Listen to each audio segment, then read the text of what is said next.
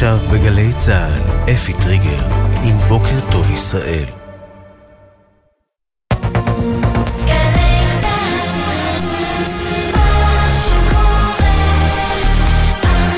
גלי צה"ל, שש בבוקר.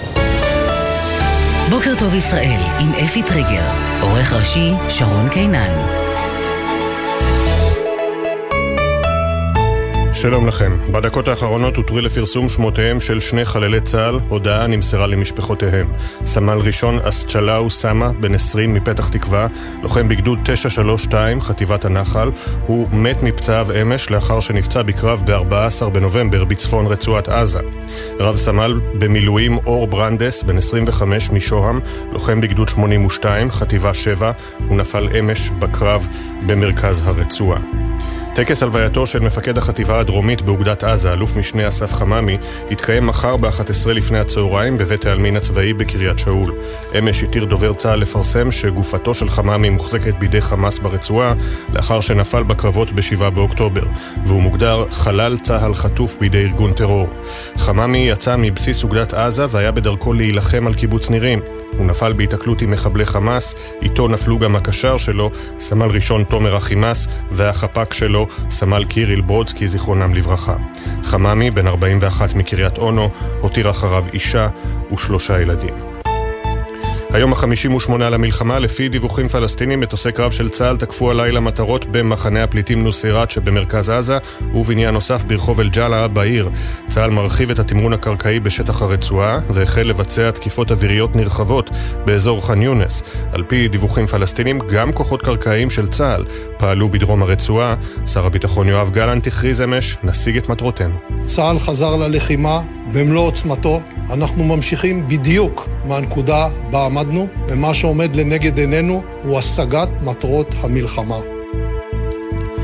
לפני כשעתיים נשמעו התרעות שווא ביישובי עוטף עזה, אמש זוהו 11 שיגורים לעבר גוש דן והשפלה, צעיר בן 22 נפגע קל מרסיסים באזור חולון, נבדקת האפשרות שמדובר במיירט כיפת ברזל שנפל בשטח ישראל בשל תקלה טכנית.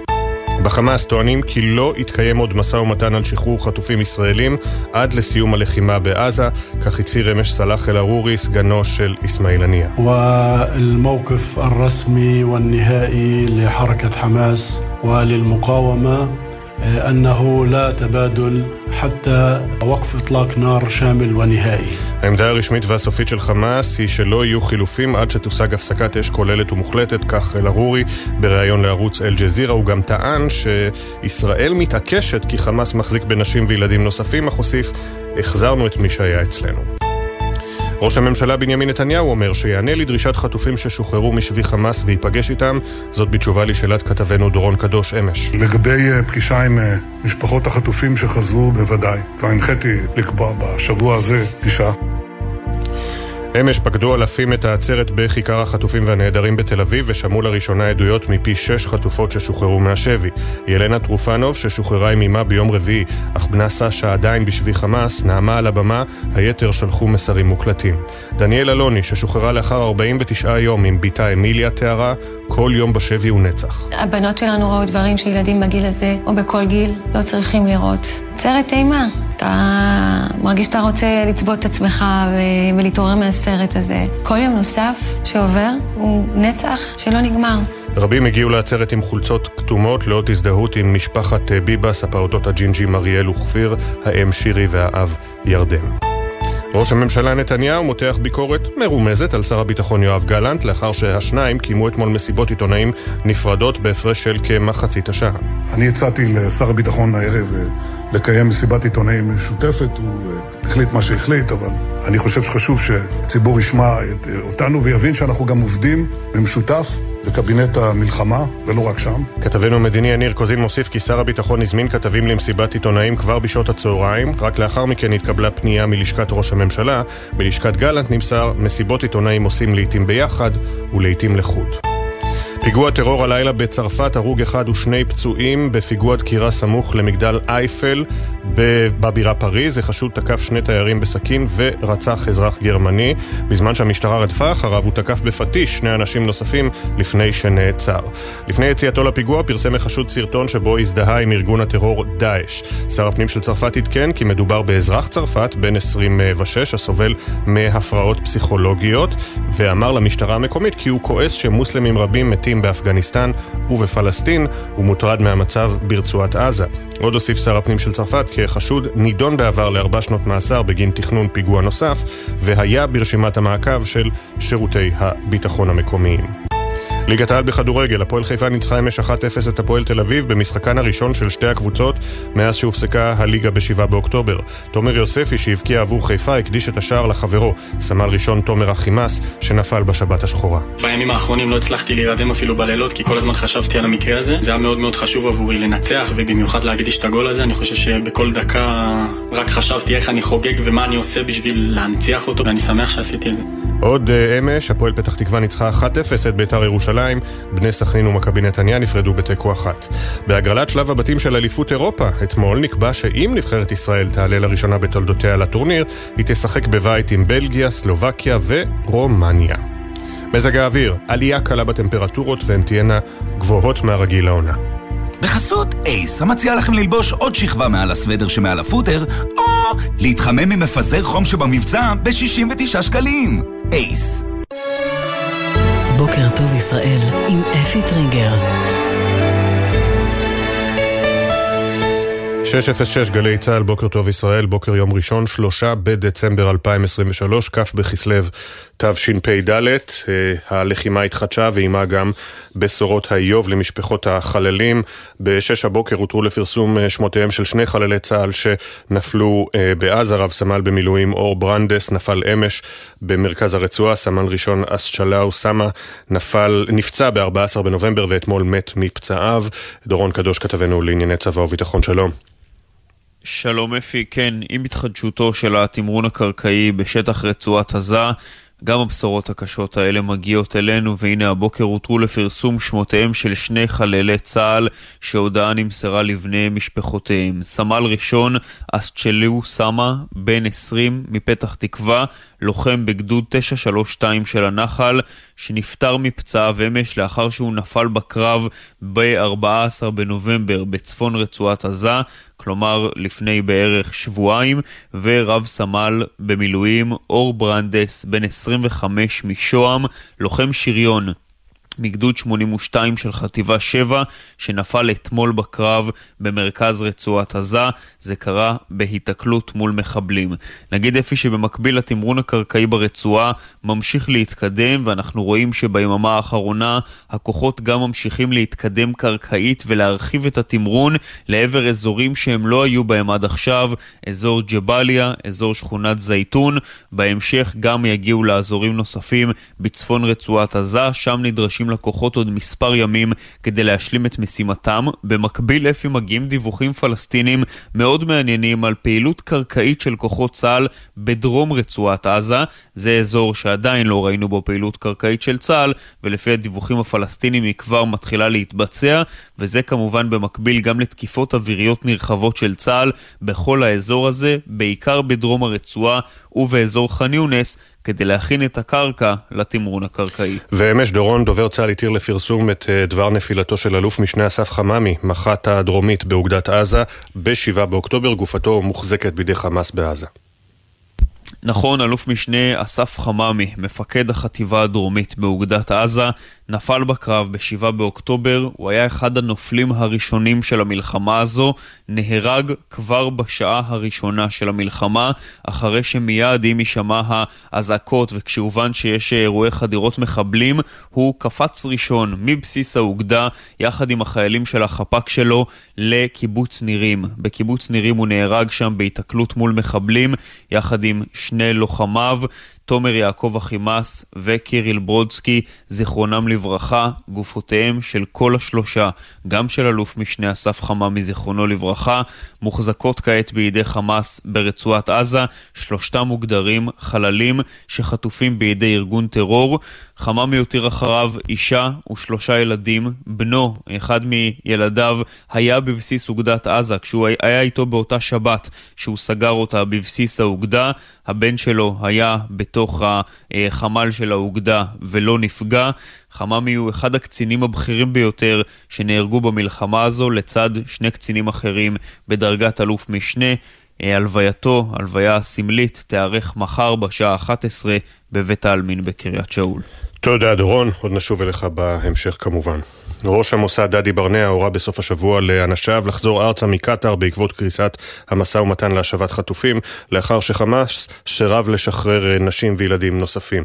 כתבנו המדיני יניר קוזין, האם יש סיכוי לחידוש המגעים? בוקר טוב יניר. שלום אפי, בוקר טוב. תראה, העניין של הסיכוי הוא צריך להיבחן בימים הקרובים, לפחות ממה שאנחנו שומעים עכשיו מגורמים מדיניים בישראל, הסיפור הזה לא נמצא על הפרק, ולו בגלל הסיבה שחמאס לא מעוניין לשחרר עוד אנשים יותר נכון חטופות וחטופים מקבוצת הילדים והנשים, הוא התעקש לא לעשות כן בין חמישי לשישי בלילה, ולכן למעשה המשא ומתן פוצץ, וביום שבת גם קיבלנו הודעה, ללמדנו גם שביום שישי עוד היו ניסיונות לחדש את המשא ומתן הזה, וביום שבת קיבלנו את ההודעה על כך שראש המוסד אכן קורא לאנשיו לחזור מדוחה. עכשיו, אנחנו עומדים בנקודה שבה ישראל חזרה ללחימה, חמאס חזר לראות על ישראל, ולכן אומרים לנו בשלב הזה זה לא נמצא על הפרק, אבל לא מורידים את זה לגמרי מאפשרות שבהמשך המשא ומתן יתחדש.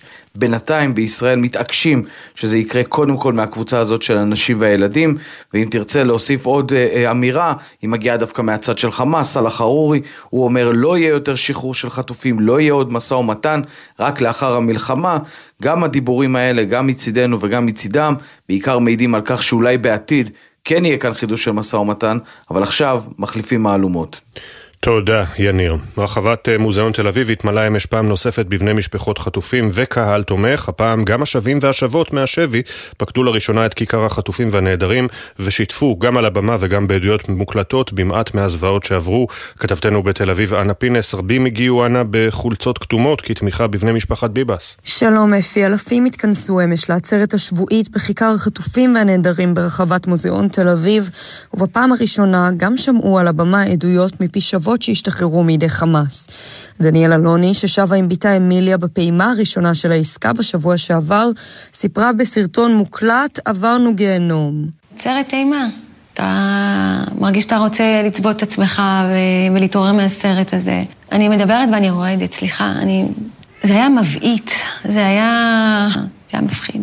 גם יוכבד ליפשיץ, יפה הדר, דיצה אימן ורז בן עמי, כולן שוחררו מהשבי, חלקן נאלצו להיקרע מבני משפחה שנותרו מאחור, ואמש שלחו מסר מוקלט שהוקרן על הבמה. ילנה טרופנוב, ששוחררה ביום רביעי עם אמה, הגיעה לנאום על הבמה עצמה שבכיכר להודות על התמיכה ולקרוא להחזרת בנה סשה, שחגג יום הולדת 28 בשבי. רבים הגיעו בחולצות כתומות ביוזמה פרטית לשם הזדהות עם בני משפחת ביבס הג'ינג'ים, כפיר בן עשרה חודשים, אריאל בן ארבע, אמא שירי והאבא ירדן. תודה. שש ושלוש עשרה דקות בדיוק, בוקר טוב ישראל, אנחנו עם כותרות העיתונים. בידיעות אחרונות כותב יוסי יהושע על גבורת המח"ט. נפילתו של גיבור ישראל, אלוף משנה אסף חממי, הותרה לפרסום אתמול ביום הולדתו ה-41. אף שגופתו ברשות חמאס, מחר ילוו אותו יקיריו בדרכו האחרונה בבית העלמין בקריית שאול. חממי, מפקד החטיבה הדרומית באוגדת עזה, היה מהראשונים לזנק לקרב יחד עם חייליו. כאן קודקוד, מכריז מלחמה, הודיע בקשר, הוא גם היה מהראשונים ליפול בקרב על קיבוץ נירים, רבים מתושביו חווים לו את חייהם. אה, למרות אה, שגופתו כאמור יארך לו מחר טקס הלוויה בבית העלמין בקריית שאול, הוא ייקבר שם כמו דודו, איתן חממי זיכרונו לברכה, לוחם בגולני שנפל במהלך תרגיל צבאי, ואחיה של סבתו יאיר צברי זיכרונו לברכה, שנפל במהלך שירותו, שלושה דורות, שלוש בשורות. איוב, שושנה חממי איבדה אח בן וכעת את אסף הנכד האהוב. כך כותב אה, יוסי יהושע, הוא מוסיף שחממי הוא אחד משלושה אלופי משנה שנפלו בקרבות מאז פרוץ המלחמה, והם הקצינים הבכירים ביותר שנהרגו בה. כאמור, הבוקר, ממש רגע לפני השעה שש, אה, הותיר דובר, התיר דובר צה"ל לפרסום שמותיהם של שני חללים נוספים, סמל ראשון אסצ'לאו סמה בן 20 מפתח תקווה, מת מפצעיו אמש, הוא נפגע בקרב בצפון הרצועה ב-14 בנובמבר, לפני uh, כשבועיים וחצי, uh, ואתמול מת מפצעיו, ורב סמל ראשון במילואים, סליחה, רב סמל במילואים, אור ברנדס, בן 25 משוהם, שנפל אמש בקרב במרכז הרצועה, יהי זכרם ברוך. עוד בשער של ידיעות אחרונות, נחום ברנע כותב על דילמת ח'אן יונס, חמאס חייב לחטוף מכה שתשלול ממנו את יכולותיו, על כך אין ויכוח. צה"ל לא יכול לדלג על מעוז הטרור בח'אן יונס, אבל ניצחון לא יהיה כאן, מוטב להנמיך ציפיות ולגשת מהר ככל האפשר לתהליך הריפוי והשיקום, ובראש ובראשונה להחזרת החטופים.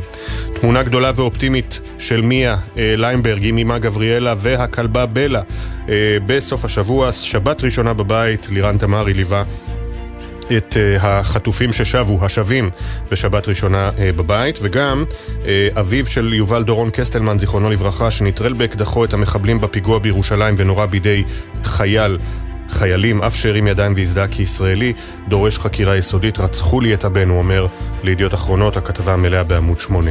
במעריב, הלחימה והתקווה. בעקבות הפיצוץ במגעים, ישראל שבה לתקוף, במקביל התחדש ירי הרקטות מעזה ומלבנון. עשרות אלפים הפגינו יחד עם משפחות החטופים בתל אביב. טל לברם כותב על האתגרים הבאים. חבר הכנסת אביגדור ליברמן כותב אין בעזה חפים מפשע.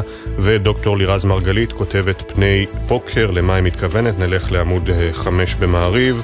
פני פוקר, מהרגע שהחל המשא ומתן על שחרור החטופים, חמאס הצליח להביא לשינוי ביחסי הכוחות וממצב שבו ישראל הייתה עליונה, בזכות הישגי התמרון, למצב שבו ישראל הפכה להיות המובלת. במשא ומתן אין איזון בין הצדדים. הרעיון הוא כמו בפוקר, להקפיד לשמור את היתרון האסטרטגי שלך ולא לאפשר לצד השני לראות את הקלפים. המאמר המלא של דוקטור מרגלית בעמוד 5 במעריב.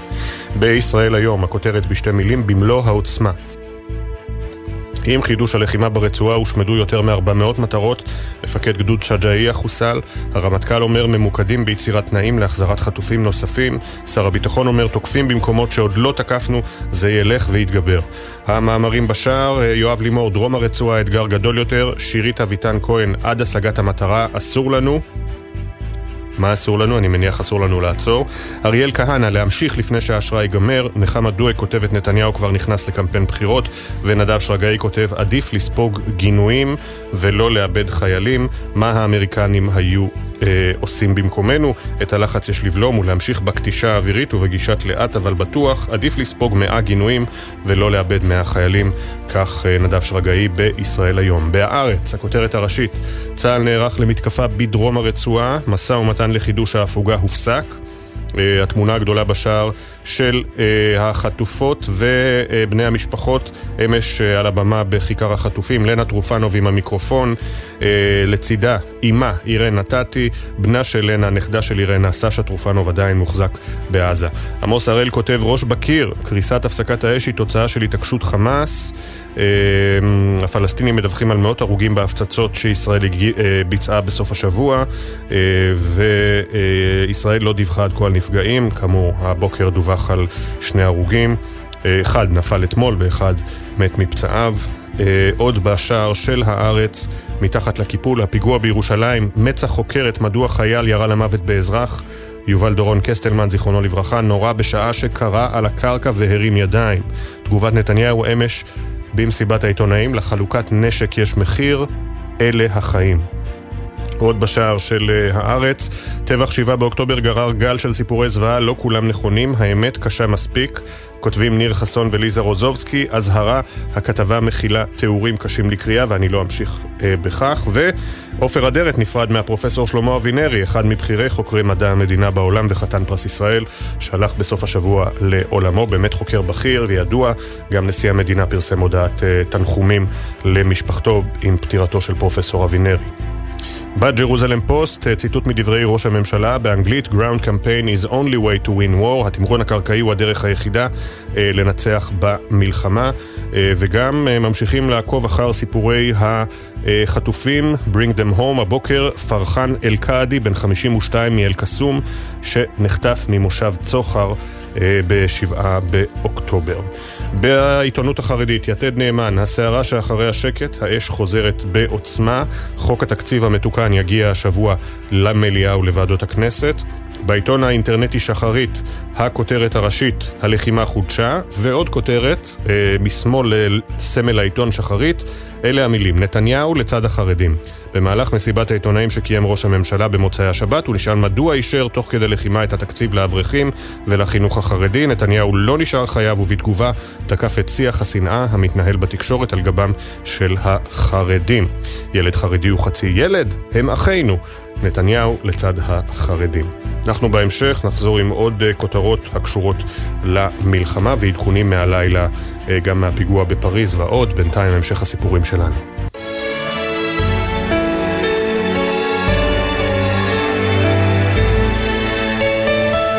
שש ועשרים בדיוק, מאות מתושבי המועצה האזורית שער הנגב התאספו שלשום לכפר, בכפר סבא מגלותם בכל רחבי הארץ כדי לחגוג את טורניר הכדורגל המסורתי של המועצה. עננת הבכי והצער שמרחפת מעליהם בכמעט חודשיים האחרונים התחלפה לכמה שעות בקריאות עידוד, שריקות בוז, אבל גם במהלכן לא שכחו התושבים לרגע את יקיריהם שלא יכלו להגיע. הקולות מהטורניר החשוב במזרח התיכון, כך הם כינו אותו, בכתבה של כתב הספורט יוני זילברמן. יש פה אנשים שלא פגשתי אותם מאז השישי באוקטובר, אבל ברגע שאתה על המגרש, זה תמיד עם אמוציות, זה הקטע, לחזור לחיים האמיתיים. וחיים אמיתיים זה להילחם על המגרש. טורניר הכדורגל של שער הנגב הוא גולת הכותרת של המועצה האזורית, אבל השנה... הוא נערך בנסיבות אחרות. את המגרש בדורות החליפו באחד בכפר סבא, וחלק מהחברים כבר לא הסכו לראות את הדשא או היציע, כפי שמספר לנו כדורגלן שועלי כפר עזה, יונתן שימריז, שאחיו אלון נחטף לרצועה בשבת השחורה. אח שלי חטוף בעזה, שחקנים שצריכים להיות על הדשא וגם בעזה. יש כאלה שלא יהיו, לא יחזרו אף פעם.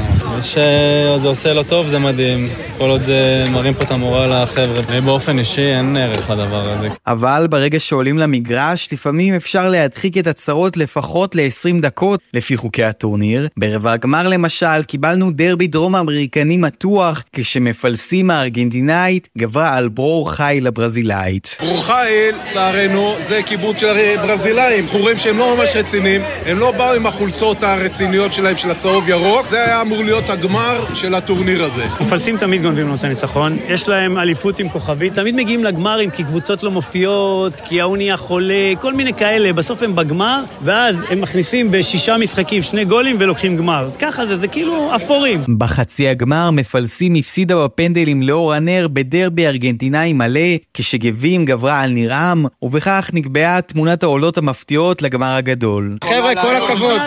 חזק מכל הלב! נסטור! יהיה בכל אחד ואחד מכם, ויאללה, זה שלנו. וכיאה למעמד, את הגמר אפשר לקחת רק בפנדלים, וכך עשתה גבים כשניצחה וזכתה לראשונה בתולדותיה בטורניר, וזאת מבלי לספוג אף שער. הקפטן סתיו בר יואל, שאיבד שניים מחבריו לקבוצה, זיו חג'בי ושלומי דוידוביץ' זיכרונם לברכה, יודע שהזכייה בתחרות היא לא יותר מבונוס. כל היום הזה הוא הרבה יותר מכדורגל, ההתכנסות, הביחד, הלשחק, הליהנות. וחברים שכבר אינם, חברים שנעדרים, חטופים, ובאמת אה, מה שחשוב שכולם יחזרו. טורניר הזה נחזור ונשחק אותו בשער הנגב, בבית שלנו, וזהו. 6.23 בדיוק, בוקר טוב ישראל, אנחנו עם עיתוני כלכלה ועוד כותרות הקשורות למלחמה. בדה מרקר מכריזים, תקציב הביטחון יזנק, רמת החיים תרד, המכה שמחכה ב-2024. הצמיחה לנפש בשנה הבאה צפויה להיות שלילית או אפסית. מלחמה ממושכת תפגע אנושות בהייטק ותשאיר את ענף התיירות משותק. תקציב הביטחון יגדל כש... כשיעור מהתמ"ג, לראשונה זה עשורים, בעלות 15 מיליארד שקל בשנה. למרות זאת, הממשלה העבירה עוד מאות מיליונים למטרה למטרות פוליטיות, מה שמעלה חשש כבד לגבי תקציב 2024. איתן אבריאל, סמי פרץ ואבי בראלי כותבים ומדווחים בעמודים 2 עד 4 בדה מרקר. אופיר דור שואל, האם מיכאל מירילשווילי הסתיר את בעלותו על חברת הימורים לצורך השלמת מכירתה? אה, זה בעמוד 12. תביעה בלונדון, קבוצת מקסימוס שרכשה פעילות מכונות מזל באירופה ב-273 מיליון יורו, טוענת שבמהלך המשא ומתן הוסתרה ממנה העובדה שהנהנה הסופי מהעסקה יהיה מיכאל מירילשווילי. הנתבעת מכחישה וטוענת שמקסימוס מנסה להתחמק מתשלום חובותיה דרך טיעונים לא מגובים. לטענת מקסימוס, רכישת חברות הימורים היא סיכון בשל חשש להלבנת כספים או קשר לפשע מאורגן, לכן זהות הבעלים היא פקטור חשוב בהחלטה. בכתב ההגנה טוענת מקס ביט כי מקסימוס שואלת בפעילות ההימורים כבר שנתיים וחצי וניהלה אותה גרוע, כך שביטול העסקה בדיעבד אינו אפשרי. כך בדה מרקר. בכלכליסט ממשיכים בקמפיין נגד שר האוצר. אה, אתגר גדול ממידותיו, בצלאל סמוטריץ' מגדיל את הנזק במלחמה ומול משבר כלכלי עצום. ישראל תקועה עם שר האוצר הגרוע מכולם. זו הכותרת הראשית. צבי זרחיה קורא לו השר של המגזר, אדריאן פילוט קורא לו מפרק האוצר. אה, והמאמרים והפרשנויות והכתבות, עמודים 4 עד 9 בכלכליסט. עוד בכלכליסט, אה, חגיגת ההכנסות של הבנקים נבלמת, הציבור מעביר כסף מהעו"ש לפקדונות, והכנסות המימון של הבנקים ירדו ב-7.5%, כך מדווחת עירית אבישר בעמוד 10. אה, וגם ידיעה בלעדית על שינוי ארגוני וצמצומים ברשת שופרסל. גולן חזני מדווח שמערך האונליין בשופרסל לא יהיה עצמאי ויוכפף לסמנכ"לים. יהיה צמצום במספר עובדי בתי האונליין של 50 אחוז. אלה הכותרות בשער כלכליסט. בממון של ידיעות אחרונות, אה, בתוך העמוד הראשי, היום דיון חירום במשרד האוצר מדווח גד ליאור, ענף הבנייה בסכנת קריסה. מחסור חמור בעובדים, ירידה דרמטית בהתחלות בנייה, התייקרות חומרי גלם וריבית שנותרה גבוהה מביאים עשרות חברות לסף פשיטת רגל והקבלנים מזהירים שלא ישרדו מלחמה ממושכת. באוצר יציגו מספר צעדי חירום כדי לבלום את המשבר מהקשים שידע הענף. זה בעמודים, אה, עמוד 22, 23 בידיעות אה, אחרונות, וגם אה, הילה ציון מספרת, מדברת עם יזמי נדל"ן שמתארים את המצב בעקבות המחסור הקיצוני בפועלים וקוראים למדינה לעודד צעירים להיכנס לענף הבנייה. עלות עובד בניין זינקה, במקום 800 שקל מקבלים 1,200 שקל ליום. הביקוש לדירות באשקלון, אשדוד ותל אביב, שלפני המלחמה היו הכי מבוקשות, צנח באוקטובר ב-83%, 45% ו-50% hat Anna. בכלכלה ישראל היום, המאבק על תקציב המלחמה. אין כאן מקום לפרוטקציוניזם בכלל. בדרך לדיונים מרתוניים, שר האוצר וראש הממשלה הצהירו כי יקצצו מיליארד ושש מאות מיליון שקל מהכספים הקואליציוניים שנותרו, אלא שבפועל הקיצוץ עמד על 800 מיליון שקל בלבד. המחנה הממלכתי אומרים, נצביע נגד. סוניה גורודיסקי מביאה את המספרים והפרטים בעמודים 20-21 בישראל היום, וגם מצטטת את חברת הכנסת אורית פרקש הכהן, שאמרה לה, אה, לאובדן דרך מנהיגותי, ראש הממשלה, שר האוצר וגם יושב ראש ועדת הכספים נכשלו כישלון חרוץ בחובתם להתעלות לגודל השעה. הציבור מסתכל עליכם ורואה את הכספים במיליארדים ששמרתם למשרדים המיותרים ולמקורבים. והיא מדווחת סוניה גורודיסקי גם שעשרות מפעלים בסכנת סגירה בקווי הגבול הצפוני והדרומי בעקבות המלחמה. בחודש וחצי האחרונים מפעלים רבים מתמודדים עם מחסור חריף בעובדים או היעדר הזמנות והדבר נותן את אה, אותותיו. הכתבה המלאה בעמוד 21 בישראל היום. עכשיו אנחנו אל אה, סיפורים על שתי כוכבות הוליווד משני אה, צידי המתרס. קודם כל סוזן סרנדון שהופיעה בחודש שעבר בהפגנה פרו-פלסטינית בוושינגטון אם אני לא טועה. כוכבת, אה, כוכבת קולנוע ידועה, זוכת האוסקר. אה, והיא הצהירה מעל הבמה, ממש שמחה על גילויי האנטישמיות כלפי יהודי ארצות הברית ואמרה עכשיו, יהודים אתם אה, מבינים מה זה להיות מוסלמי באמריקה. היא חטפה על הראש, אה, הסוכנות שניהלה אותה, סוכנות הטאלנטים שניהלה אותה, פיטרה אותה למעשה, הודיעה שלא תעבוד איתה יותר. אתמול היא פרסמה התנצלות מאוד מפותלת, מאוד חלקית בחשבון האינסטגרם שלה. סרנדון אומרת, ברור שגם יהודים נרדפו בארצות הברית, והזכירה את הפיגוע בבית הכנסת עץ החיים בפיטסבורג ועוד פיגועים נגד אוכלוסייה היהודית. היא אמרה, שגיתי בדבריי, התכוונתי להגיד שאני נגד שנאה בכל צורה שהיא, אבל היא לא חזרה בה מהתבטאויות קודמות שבהן אפשר לומר הצדיקה את הטבח שביצע חמאס, חמאס ב-7 באוקטובר. לעומתה, ג'וליאנה מרגוליס, הלו היא האישה הטובה, וגם למבוגרים שיותר במאזיננו, האחות האת'אווי מהסדרה ER. היא יהודייה למי שלא יודע, יהודייה אמריקנית, והיא התארחה בשבוע שעבר בפודקאסט, היא לאורך המלחמה מעלה פוסטים ומדברת בעד ישראל ונגד חמאס ומעלה לסדר היום את הטבח. היא אמרה באחד הפודקאסטים, היא דיברה על קהילת הסטודנטים הצעירים שתומכים בפלסטין ובחמאס בלי לחשוב, בלי לדעת בכלל את הפרטים, ודיברה אפילו גם על כל מיני קבוצות בקמפוסים. היא אמרה, ראיתי שלט של קבוצה של לסביות אפרו-אמריקאיות, אין כניסה ליהודים במועדון שלהם. ואז היא אמרה משהו מאוד פרובוקטיבי, היא אמרה, תגידו, אתם נורמלים? אתם מתחת ליהודים בעיני חמאס. אם תגיעו למדינה מוסלמית, מעולם לא דרכתם שם, אם תגיעו למדינה מוסלמית, אז ירצחו אתכם ראשונים, עוד לפני שירצחו יהודים. והיא פרסמה אתמול התנצלות משלה, היא אמרה, לא התכוונתי לזלזל בקהילת הלהט"ב, אלא רק לציין אה, עד כמה הם לא מודעים לפרטים. אנחנו יוצאים להפסקה של 47 שניות ואחריה מיד חוזרים. בוקר טוב ישראל.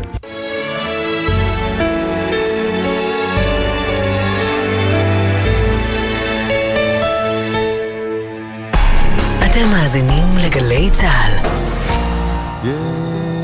יש אישה וגם מסתבר שיכולים לשמוע אותנו גם אנשים שיושבים שם בחושך ומחכים, אנחנו גילינו שלירדן היה איזה שביב של רגע שהיא שמעה אותנו מדברים ברדיו, וככה היא הבינה שגפן בחיים, וזה מה שנתן לה את הכוחות להחזיק. היא שמעה אותך ואותי מדברים? ממש ככה. והיא ידעה שאתם עוטפים את גפן שלה? מהשבריר שנייה הזה, היא פשוט הבינה את כל התמונה, היא ידעה שאנחנו עושים הכל, והיא ידעה שהיא בידיים טובות.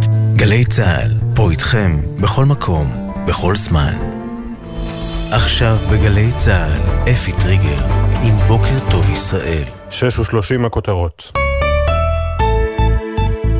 הותרו לפרסום שמותיהם של שני חללי צה"ל, הודעה נמסרה למשפחותיהם. סמל ראשון אסצ'לאו סמה, בן 20 מפתח תקווה, לוחם בגדוד 932 חטיבת הנחל, מת מפצעיו אמש לאחר שנפצע בקרב ברצועה ב-14 בנובמבר. רב סמל במילואים אור ברנדס, בן 25 משוהם, לוחם בגדוד 82 חטיבה 7, נפל אמש בקרב במרכז הרצועה. לפי דיווחים פלסטינים, מטוסי קרב של צה"ל תקפו הלילה מטרות במחנה הפליטים נוסירת במרכז עזה ובניין נוסף ברחוב אל-ג'לעה בעיר. צה"ל מרחיב את התמרון הקרקעי בשטח הרצועה והחל לבצע תקיפות אוויריות נרחבות באזור ח'אן יונס. על פי דיווחים פלסטינים, גם כוחות קרקעיים של צה"ל פועלים בדרום הרצועה. שר הביטחון יואב גלנט הכריז אמש, נשיג את מטרותינו. צה"ל חזר ללחימה במלוא עוצמתו. אנחנו ממשיכים בדיוק מהנקודה בה עמדנו, ומה שעומד לנגד עינינו הוא השגת מטרות המלחמה. אמש זוהו 11 שיגורים לעבר גוש דן והשפלה. צעיר בן 22 נפגע קל מרסיסים באזור חולון.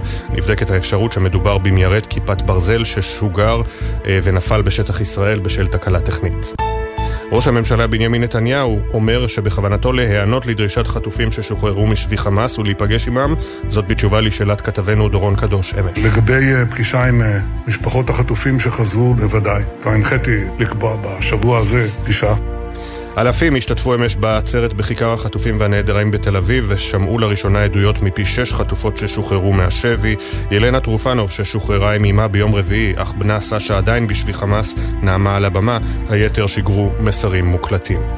פיגוע טרור הלילה בפריז, הרוג אחד ושני פצועים בפיגוע דקירה סמוך למגדל אייפל. החשוד תקף שני תיירים בסכין והרג אזרח גרמני. כשהמשטרה רדפה אחריו הוא תקף בפטיש שני אנשים נוספים לפני שנעצר. לפני יציאתו לפיגוע פרסם סרטון אה, שבו הוא נשבע אמונים לדאעש. שר הפנים של צרפת עדכן עוד כי מדובר באזרח צרפת בן 26, סובל מהפרעות נפשיות, שנידון בעבר לארבע שנות מאסר בגין תכנון פיגוע אחר, והיה ברשימת המעקב של שירות שירותי הביטחון בצרפת. עדכוני תנועה לנהגים מגלגלצ, איילון צפון העמוס מחולון עד מחלף השלום, כביש 6 דרום העמוס מעירון עד מחלף אייל, מזג האוויר, עלייה קלה בטמפרטורות והן תהיינה גבוהות מהרגיל לעונה. 56 יום חלפו עד שהואיל ארגון הנשים של האו"ם להתייחס לראשונה בסוף השבוע לעדויות על אונס ותקיפות מיניות שביצעו מחבלי חמאס בנשים ב-7 באוקטובר. בארץ מבהירים, האיחור הזה הוא לא פחות מבגידה בנשות ישראל, כתבת חדשות החוץ שחר קנוטובסקי. The international community is committed to ending violence against women, once and for all. הקהילה הבינלאומית מחויבת לעצור את האלימות כלפי נשים אחת ולתמיד. אם חייתם בישראל בחודשיים האחרונים, נראה שתתקשו לשמוע את המילים שפותחות את סרטון התדמית של UN Women, הארגון לקידום נשים באו"ם, בלי להרים גבה.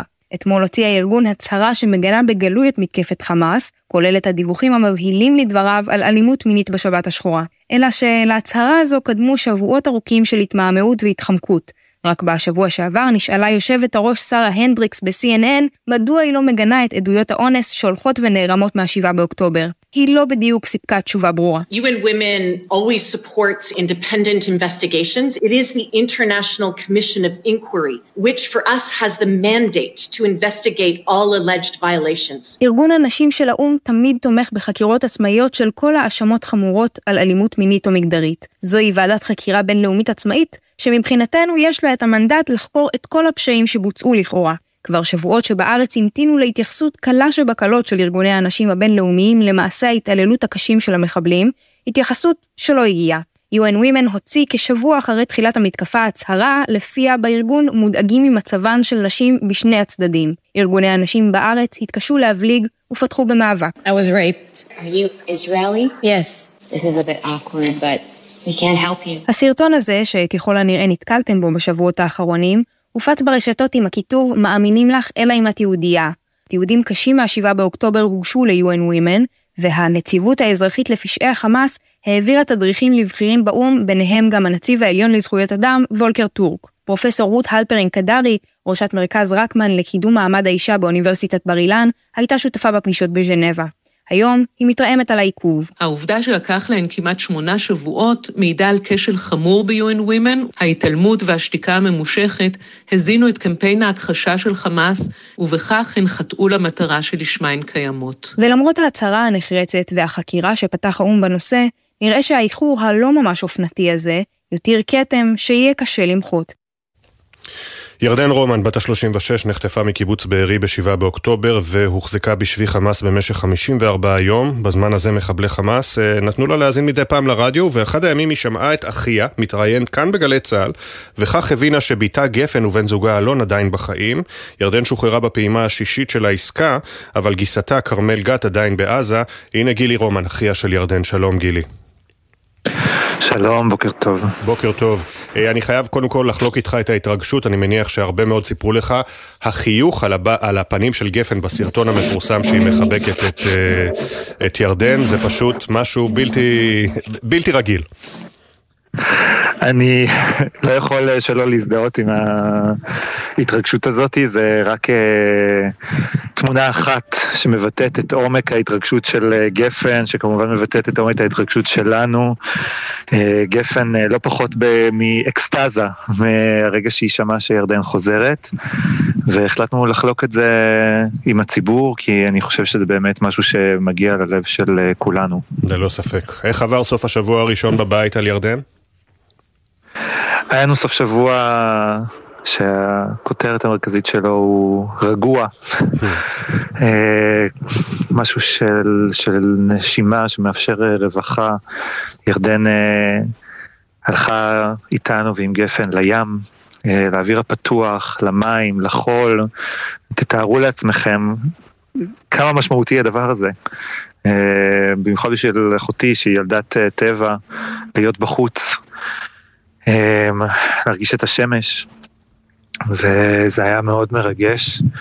אמ, זה, הלכנו גם לנקודה האהובה על אימא שלי שנפטרה לפני uh, כמעט שנה, uh, ואני הבטחתי לה שאנחנו נחזיר את ירדן ובאנו uh, לסגור את המעגל הזה. זה היה סוף שבוע מאוד מרגש, אבל uh, גם סוף שבוע מדאיג, אני חייב להגיד. Mm-hmm. כי גיסתך גרמל גת עדיין בעזה. כי כרמל בעזה, אנחנו יודעים שהיא אה, חיה ואנחנו יודעים שניתן לשחרר אותה, אנשים שהיו איתה דיווחו אה, על התקופת אה, שבי לצידה וכמה כוחות היא נתנה להם. וזה בן אדם מדהים ו- ואוהב שלום ורגוע, אמ, ו- ואנחנו בוודאי רוצים שנחזור, ו- ובאופן כללי, העובדה שאין כרגע שחרורים, ירדן אה, את הלילה הראשון שלה העבירה ב... אה, בבית בין חמישי לשישי ובשישי בבוקר קם במיוחד בשעה בבוקר לראות האם ההפוגה נמשכת וברגע שראינו ביחד את הדיווח שהיא לא נמשכת היא פשוט פרצה בבכי. אה, היא יודעת יותר טוב מכולנו מה המשמעות של הדבר הזה וכמה זה קשה אה, ואנחנו עם כל השמחה והאושר אנחנו גם דואגים מאוד, אנחנו מצוקה אמיתית לגבי הדבר הזה, אנחנו רוצים לראות עוד אנשים חוזרים הביתה. וכמובן כולנו רוצים לראות את כולם חוזרים הביתה. דיברתם איתה על מה עבר עליה בשבי, נתתם לה לספר? כן, האמת היא שאנחנו לא כל כך שואלים שאלות בהקשר הזה, אנחנו נותנים לה לספר כשהיא, כשהיא רוצה, כשהיא מרגישה בשאלה, ככה גם גילינו את מה שציינת, שרוב הזמן היא לא ידעה בכלל על הבת שלה ועל אלון בעלה, אלא היא שמעה את זה בשמיעה אקראית אה, ברדיו. אמ, והיא הסיקה מזה שדיברו על לאה ועל כרמל כחטופות ועל uh, כנרת, אימא של uh, כרמל כ... כנרצחת, מזה שלא הזכירו את אלון ואת גפן, היא הסיקה שהם בחיים, ואפשר לתאר כמה משמעותי אה, מידע כזה, והבנה כזו, אחרי שבועות בשבי. כן, זה נתן לה את התקווה, בוודאי, להמשיך בתנאים הקשים האלה. נכון, כי היא עשתה את המאמץ להציל את הילדה שלה, אה, ולא ידעה אם המאמץ הזה ישתלם, היא לא ידעה אם אה, עוד פעם הצליחו לחטוף אותם, אם חלילה הם נהרגו, נרצחו בדרך. אה, זה כוח אדיר, זה כוח אדיר לדעת את הדבר הזה. כמובן. מה נאחל לכם, גילי? לנו אני באמת אה, מקווה שאנחנו נמשיך אה, בדרך הזו ושירדן תהיה איתנו בטוחה ורגועה, אבל אה, בואו נאחל לכולנו גם שכרמל תחזור ושכולם יחזרו ושאנחנו נדע לנהל את המשא ומתן הזה בחוכמה ובנחישות לקדם שחרור של, שחרור של אנשים וחלילה לא ניתפס עכשיו לאיזו היסחפות שרק הלחימה תהיה לנגד עינינו, כי יש לנו עוד מעל 100 אנשים שצריך להציל את החיים שלהם. גילי רומן, תודה רבה שדיברת איתנו ותמסור לירדן אה, חיבוק ולכל המשפחה. אני אמסור לה, תודה רבה. תודה. עכשיו אנחנו ממשיכים במיזם שלנו מאחורי השמות. מדי בוקר אנחנו מספרים כאן משהו קצר על כל נרצח ונופל, אנקדוטות שאת חלקן בני משפחה וחברים של... שלחו לנו. נעשה זאת על כל אחד ואחת מאחורי השמות.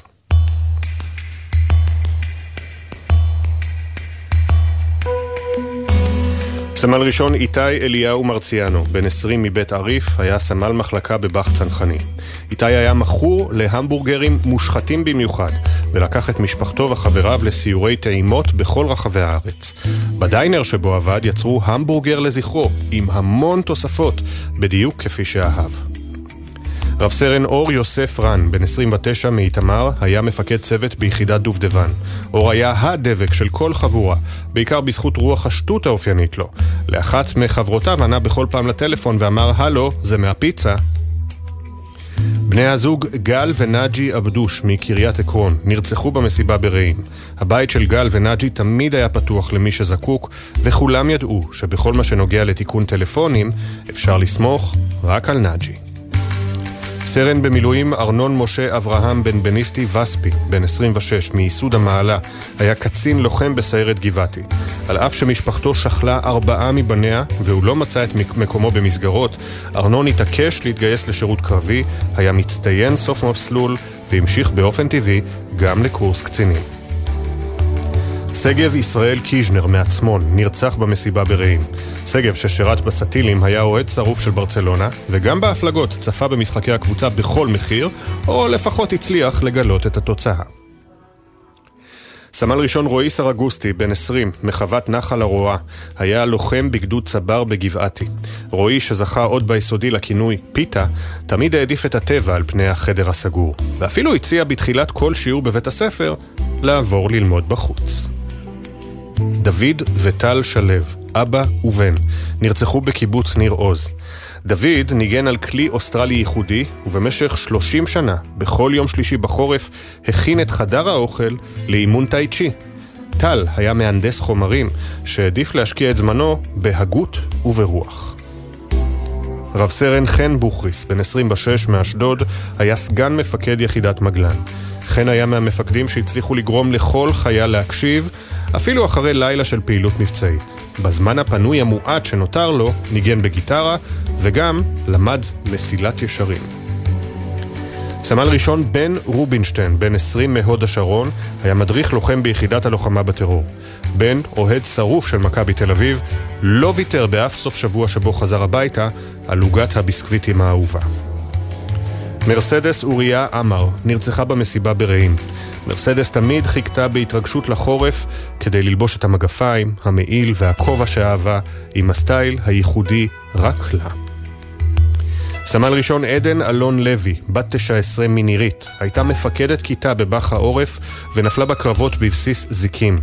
מספרים שאת הצחוק המתגלגל של עדן, רקדנית מוכשרת, אפשר היה לשמוע מקילומטרים. משפחתה עשתה לזכרה את קעקוע המנטה ריי שעליו חלמה. יונתן אליהו, בן 21, נרצח במסיבה ברעים. יונתן אהב לצלם ותמיד שמר על הכושר והקפיד על אורח חיים בריא. סמל ראשון אפיק רוזנטל, בן 20, מכפר מנחם, היה לוחם ביחידת מגלן.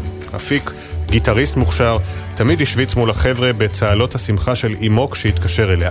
הוא נהג לשים אותה על רמקול ולהכריז, תראו איך היא עונה לי. אור חיים בן חמו, בן 19, נרצח במסיבה ברעים. אור, הצעיר מבין תשעה אחים ואחיות, אהב יותר מכל לרכוב על האופנוע שלו. סמל ראשון דניאל משה דנינו, בן 21 מחיפה, היה לוחם בגדוד 13 בגולני. דניאל, שכבר התלבט בין לימודי משחק ותואר בהנדסה, ניצל כל רגע פנוי בשירות לשחות בחוף זיקים. תמיד עם ופל לימון, וכמובן, זירו, קר. מג'ד אברהים, בן 19 מאבו גוש, מת מפצעיו לאחר שנפגע מרקטה בביתו. מג'ד החייכן התנדב בבתי חולים, חילק מתנות למאושפזים וסייע לתלמידים לשפר ציונים. סמל עידו עובדיה, בן 19 מתל אביב, היה לוחם בגדוד צבר בגבעתי ונפל בקרבות בצפון הרצועה. עידו, שחקן טניס וגם כדורסל, שאף להתגייס לקרבי עוד בתחילת התיכון, והתאמן בהכשרה מיוחדת לקראת השירות הצבאי. רב סרן אריה שלמה צירינג, בן 27 מרעננה, היה מפקד פלוגת תקווה, תק, סליחה, היה מפקד פלוגת תקיפה ביחידת עוקץ. אריה היה אתלט מצטיין, אבל בלט לא פחות בערכים שעליהם לא ויתר. הוא אף פעם לא שיתף פעולה עם רכילות, לא קילל, ואפילו סירב לשחק עם משפחתו קטן, רק כי חשד שמישהו רימה. סמל ראשון תומר ברק, בן 20 מפתח תקווה, היה לוחם בגדוד 13 בגולני. תומר היה גיימר שיכול לבלות שעות מול המחשב, אבל אף פעם לא סירב לצאת לטיול. השמות, הפנים. הסיפורים המלאים יעלו בהמשך לעמוד האינסטגרם והפייסבוק של גלי צה"ל. נזכיר, בני משפחה וחברים, אתם מוזמנים לשלוח לנו סיפורים ותמונות. לכתוב את המייל זיכרון שטרודל glz.co.il זיכרון עם K. תודה לתמר שונמי, אנה פינס, שירה שפי ואילי זילברברג שהביאו את הסיפורים לשידור.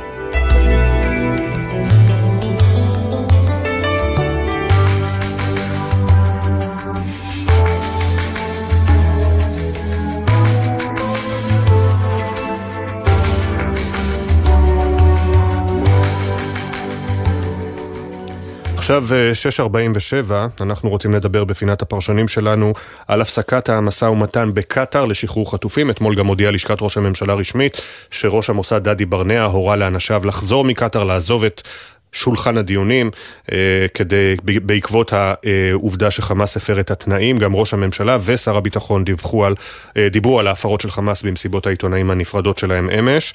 אה, איתנו רונית מרזן, חוקרת חברה ופוליטיקה פלסטינית בבית הספר למדע המדינה באוניברסיטת חיפה, שלום לך. בוקר טוב. בוקר טוב, ואלון ליאל, מנכ"ל משרד החוץ לשעבר, חוקר יחסים בינלאומיים, שלום לך. בוקר טוב. דוקטור אלון ליאל, קודם כל בשורה התחתונה, המשא ומתן שכן צלח עד ליום שישי בבוקר, הביא לשחרור 81 חטופים ישראלים, יותר מ-100 בסך הכל, כולל אזרחים זרי, זרים. איך היית מגדיר את השחרור הזה תמורת המחיר ששולם? אני חושב שזה הישג דיפלומטי מרשים, בתנאים מאוד קשים, אה, ואני מברך את כל מי שהיה מעורב בזה. אני רואה בזה איזושהי נקודת אה, אור בחשיכה העצומה הזאת שנפלה עלינו, ואני מאוד חושב שצריך לשמר את המנגנון הזה, האמריקאי, קטרי, מצרי, כי אני מאוד חושש שעוד שבוע, שבועיים לא יהיה לנו את המנגנון. הדוקטור רונית מרזן, גם את רואה את זה כהצלחה דיפלומטית? תראה, שחרור חטופים אה, בכל מקרה הוא הצלחה גדולה מאוד ויש לזה חשיבות גדולה מאוד. אלא מאי? קטאר לא הייתה צריכה להיות חלק מהסיפור הזה לחלוטין. את אומרת את זה למרות להיות... התוצאות שהם לכאורה הביאו? התוצאות האלה היו מתקבלות גם אם מצרים הייתה עושה את זה. זאת דעתי. לא הייתי במשא ומתן, לא יודעת מה היו הקשיים שם, אבל אני חושבת שמצרים, זאת שגובלת עם רצועת עזה, זו שיחיא סנואר ישב על שולחנה שנים רבות, זאת שפותחת ברצותה תפתח ובסרבה תסגור את המעבר של רפיח, היא, יש לה את מנופי הלחץ הגדולים ביותר על יחיא סנואר. הרבה יותר מאשר לקטר. לקטר יש את המנופים שלה על uh, ח'אלד משעל, על אסמאעיל הנייה, על אלה שיושבים אצלה. עכשיו, זה נראה בעיניי לא רק תמוה, אלא לא נורמלי לשתף פעולה עם מדינה שמפעילה את כל המנופים שלה נגד מדינת ישראל כבר שנים ארוכות, כולל במהלך המשא ומתן על שחרור החטופים. אם זה באמצעות אה, אל-ג'זירה, אם זה באמצעות משפיעני הרשת שלה שקוראים לשחרור כל פלסטין ואומרים שחרור כל פלסטין אפשרי והחל במתקפה, כאלה שמדברים על המתקפה, כן, בשארה שיושב שם, עזמי בשארה שיושב בחצר האמיר הקטרי ומתייג את ההתקפה של השביעי באוקטובר כמשהו שנסח גאווה וביטחון עצמי, פרק שצריך להילמד אצל הפלסטינים והערבים, וכמובן אנשי דת שמבוקר עד ערב, מהשביעי לאוקטובר ועוד הרבה לפני כן, מפזרים פתוות, פסקי הלכה לג'יהאד נגד ישראל, מרצים שעובדים באוניברסיטה, באוניברסיטאות בקטאר, שמדברים וקוראים לג'יהאד נגד ישראל, להפסקת הנורמליזציה עם ישראל. ח'אלד משעל, שיושב על אדמת קטאר, מדבר על כך שהוא מייחל לעבדאללה עזאם חדש. מי היה עבדאללה עזאם? עבדאללה עזאם היה ממייסדי אל-קאעידה. זאת אומרת, שאנחנו לא יכולים להידבר, לא יכולים לקחת את זאת שמדליקה פה את האש לשים אותה כזאת שמכבה את האש. זה לא נורמלי, זה תהליך לא נורמלי. הדוקטור ליאל. אה, אני מסכים עם רונית על העוינות של קטר, אבל אני חושב שזה בדיוק היה ההישג הדיפלומטי המרשים. להשתמש במדינה כזאת כמתווך ולמנוע ממנה למעשה בכל תקופת התיווך להפוך פול טיים ספורטר של החמאס על כל מה שיכול להשתמע מזה היה הישג גדול ואני חולק בעוד דבר, לפי דעתי אה, אם קטר עוזבת את המנגנון, אין לנו מנגנון. צריך לבנות מנגנון חדש. אני לא חושב שקטר הייתה תפאורה. העובדה שהכל התרחש על אדמת קטר, העובדה שהקטרים הגיעו הנה באמצע המלחמה עם צוות לנהל פה את המשא ומתן, אה, למעשה מוכיחה שהיא הייתה מרכז המנגנון, לא חלק שולי במנגנון.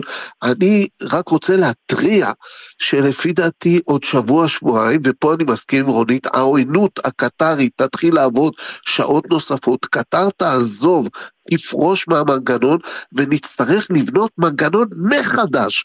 אני לא מסכים שהמנגנון אמריקאי-מצרי יכול להביא להישגים כמו המנגנון המשולש שעבד אה, השבוע. וכשאתה מדבר, אה, אלון, על אה, החשש שלך שהמנגנון הזה לא ישרוד את אה, הימים והשבועות של הלחימה שלפנינו, הוא יכול באותה מידה גם כן לשרוד מה שנקרא בחדרים האחוריים, כי גם העסקה שהייתה בשבוע שעבר, מן הסתם החלו לדון בה תחת אש.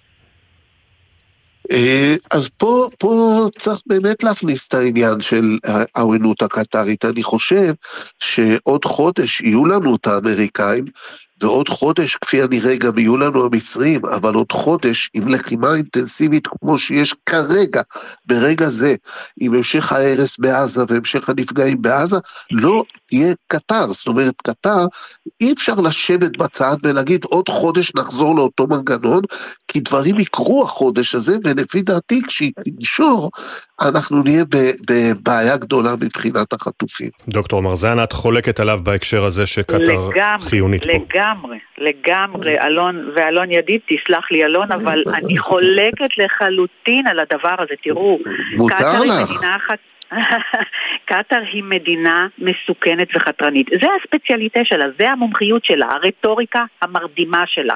עכשיו, תסתכלו על מה קרה באפגניסטן.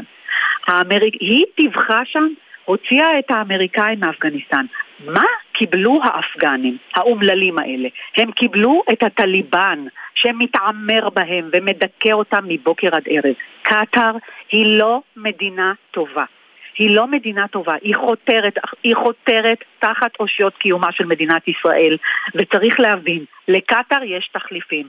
והדבקות שלנו בקטאר כאיזושהי צדיק גדול בסדום שיכול להציל פה את כל האזור, היא לא נכונה. איחוד האמירויות. אני לא חושב שמישהו קורא להם צדיק גדול, אני בטוח שגם ראש הממשלה ושר הביטחון יודעים בדיוק מי הם. יש גם כאלה לצערי שרואים בהם מדינה של צדיקים, אבל אני רוצה ללכת למקום אחר. יש באזור הזה תחליפים לקטאר, והתחליפים הם איחוד האמירויות דוגמה, דוגמה, רוני, תני דוגמה. סעודיה לא תתעסק בעניין הזה. איחוד האמירויות. ודאי לא האמירויות. אז אני, אז יש לי חדשות בעניין הזה.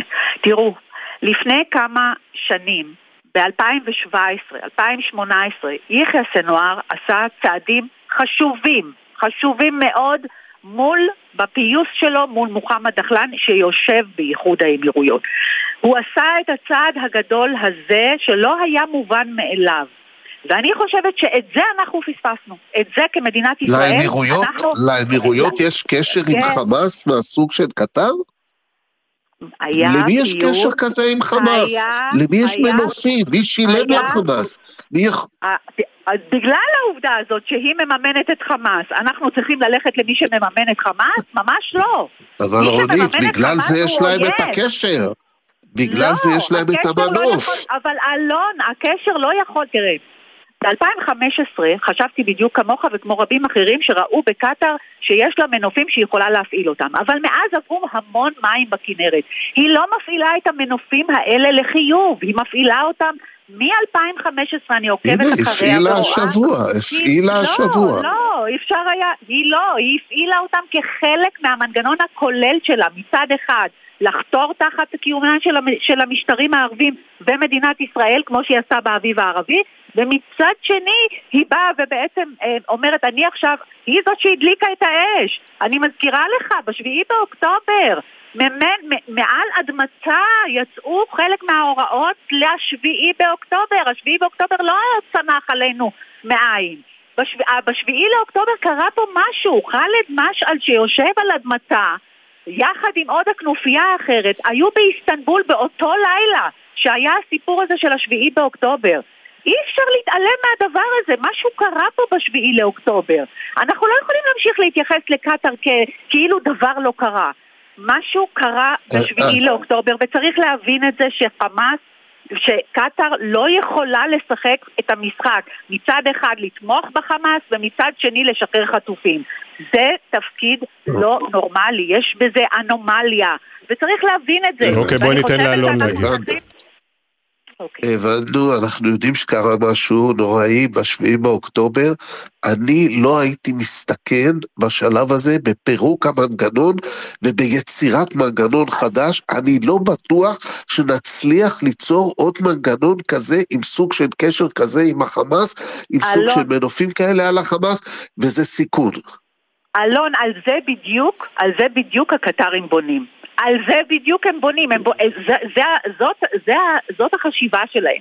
אם אנחנו לא נצא מהמקום הזה, מהלופ הזה, שאנחנו מייחסים למדינה הזאת את היכולות המדהימות האלה, אז היא, אז היא תמשיך בשלה. היא תמשיך בשלה, כי אפשר היה, עובדה שהאמריקאים לא הצליחו. מ-2015, אני עוקבת אחריה במסגרת uh, הקשר שלה uh, להפלת המשטרים הערבים באביב הערבי. מאז הכרתי, אני לא חוקרת קטאר, מאז הכרתי את כל המנגנונים האלה שהיא מפעילה כדי להפיל משטרים. אז אם מ-2015 אנחנו נמצאים כבר כמעט עשור, המדינה הזאת ממשיכה לחתור תחת המשטרים הערביים, תחת המצרים, אלה שהתפייסה איתם לא מזמן, תראה מה היא עושה להם בש... בשנים האחרונות, באל-ג'זירה, בשנה האחרונה. באל-ג'זירה, בערוץ אל-ערבי, קוראים להפלת א-סיסי. הרי זה לא נורמלי להמשיך לרוץ למדינה שכל הזמן חותרת וקוראת להפלת משטרים פה. זה לא נורמלי, אני אוקיי. חושבת שזו טעות. זה לא נכון חייבים- להמשיך לעשות את זה. חייבים לסיים. אה, משפט אה, סיום שלך, אלון? אני חושב כדי אה, להשלים את המשימה הזאת שהיא כל כך קשה וכל כך מסובכת, אנחנו צריכים אה, אויב מהסוג של קטר שמוכן להירתם לנושא הזה, שהוא, שהוא אה, נושא חשוב, לאומית, לנו, ואני לא בטוח שנוכל לעשות את זה רק באמצעות הידידים שלנו. הדוקטור אלון ליאל, הדוקטור רונית מרזן, אני מאוד מודה אה, לשניכם. אה, בינתיים, כאמור, המשא ומתן לשחרור חטופים נוספים הופסק. אנחנו יוצאים להפסקה של פחות מחצי דקה, ואחרי השעה השנייה של אה, בוקר טוב אה, ישראל, עם חידוש הלחימה ולאחר פיצוץ השיחות בקטאר, אה, לאן הולכים מכאן? נשמע את הדברים, את סיכום הדברים שאמרו אמש ראש הממשלה ושר הביטחון. נדבר עם אייל חולטה, לשעבר ראש המטה לביטחון לאומי, וגם נשמע את הקולות מהעצרת המרגשת אתמול בכיכר החטופים, קולותיהם של השבים, שכבר כאן וסיפרו מעט ממה שעבר אה, עליהם. אה, נשמע את סיפורה של משפחתו של רון בנימין, שעד אה, סוף השבוע הייתה בטוחה שהוא נעדר, לא ידעה מה עלה בגורלו, חששו מהנורא מכל, ואז קיבלו את ההודעה שעל פי הממצאים הוא חטוף בעזה. מה זה עושה למשפחה שמגלה שיקירה חטוף בעזה אחרי 54 יום? בוקר טוב ישראל, מיד חוזרים.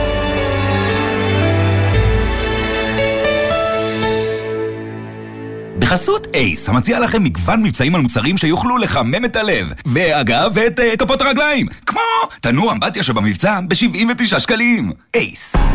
אתם מאזינים לגלי צה"ל. אקדימה, לימודי המשך, בר אילן. באתר אקדימה ריכזנו למענכם יותר מ-200 קורסים, לימודי תעודה והכשרה. אתר חדש, מתקדם ונוח לחיפוש. חפשו בגוגל אקדימה. עכשיו בגלי צה"ל, אפי טריגר, עם בוקר טוב ישראל.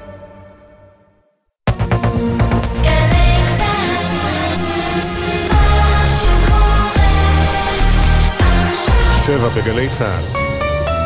המשא ומתן מאחור, זמן למלחמה. צה"ל חזר ללחימה במלוא עוצמתו. אנחנו ממשיכים בדיוק מהנקודה בה עמדנו. לאחר פיצוץ השיחות על הפסקת האש בקטאר, הלחימה נמשכת לצד הדרישה של המונים אמש בתל אביב לשחרר את כל החטופים. עכשיו! נתניהו הודיע אמש כי יענה לדרישת חטופים ששוחררו וייפגש עמם, כתבי גלי צה"ל ידווחו ונהיה עם אייל חולטה, לשעבר ראש המטה לביטחון לאומי. פרידה ממפקד, אתמול הותר לפרסום שאלוף משנה אסף חממי, מפקד החטיבה הדרומית באוגדת עזה, נפל במתקפת חמאס ב-7 באוקטובר. דורון קדוש ואילי זילברברג שוחחו עם חבריו ומפקדיו לשעבר, ויביאו קטעים מנאומו האחרון. את הגזרה הזאת יצא לי לפגוש מכמה זוויות שונות במהלך שירותי בצבא. בסוף השבוע נודע שגם שרון, בני... גם שרון בנימין, שהיה נעדר, מוגדר כחטוף, נשוחח עם אחיו שוקי. סבתא שנלחמת על הנכד. אני הפעם מדברת בתור סבתא של תמיר אדר. כתבנו גל ג'רסי על השמחה והעצב של משפחת אדר, מחזרתה של סבתא יפה ומהעובדה שהנכד תמיר עדיין בשבי חמאס. איך סבתא שלי אמרה היום, לא יודעת כמה עוד שנים יש לי לחיות, אני רוצה לזכות לחבק את תמיר שוב. גל ג'רסי שוחח עם הנכד הנוסף אלון. הגיבור והשאלות. יובל קסטלמן היה גיבור שחיסל את המחבלים בפיגוע, בפיגוע בירושלים ונורה למוות בטעות במדינה שבה נוהלי הפתיחה באש הלכו והטשטשו. כעת אחותו תובעת צדק לאחר שבצה"ל כמעט ולא רצו לחקור את האירוע. אנחנו רוצים שיעשו חקירה, ייתנו לנו תשובות לגבי כל מה שקרה שם, לגבי כל הכדורים שנורו. כתבתנו נועה ברנס שוחחה איתה. בוקר טוב ישראל.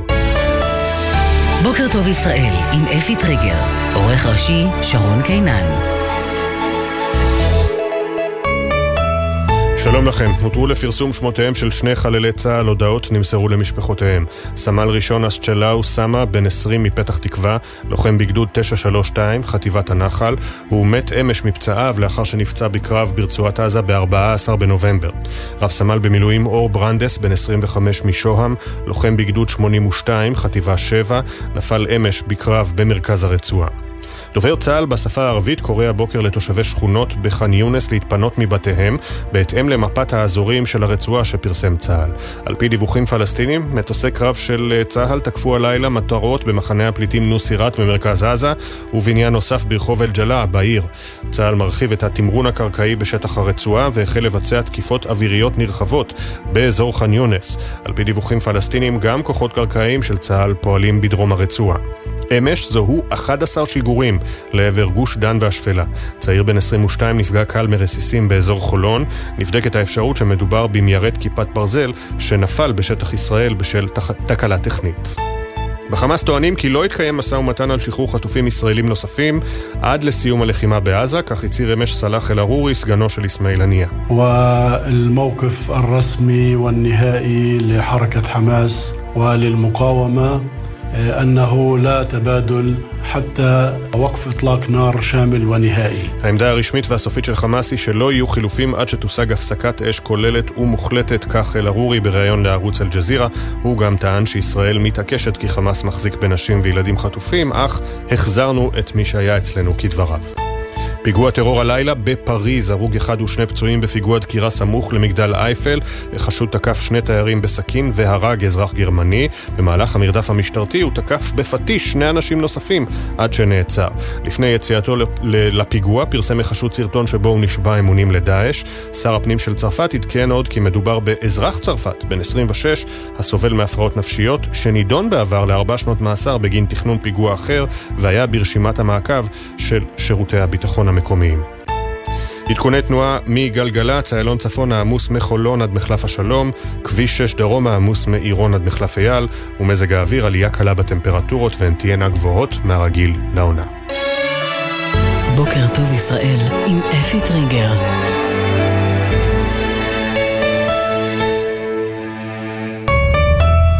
דקות וחצי אחרי השעה שבע, בוקר טוב ישראל, בוקר של שגרת לחימה. אחרי שבוע שבו עצרנו את הנשימה מדי ערב מחדש, עד להודעה על חזרת חטופים לארץ, שבוע שבו תמונות וסרטונים של איחודים מרגשים הצליחו לפצות ממעט על כל תיעודי הזוועה שנחשפנו עליהם. שבוע של קצת סופים טובים, שימלאו אותנו אולי בכוח לקראת ימים ושבועות קשים יותר.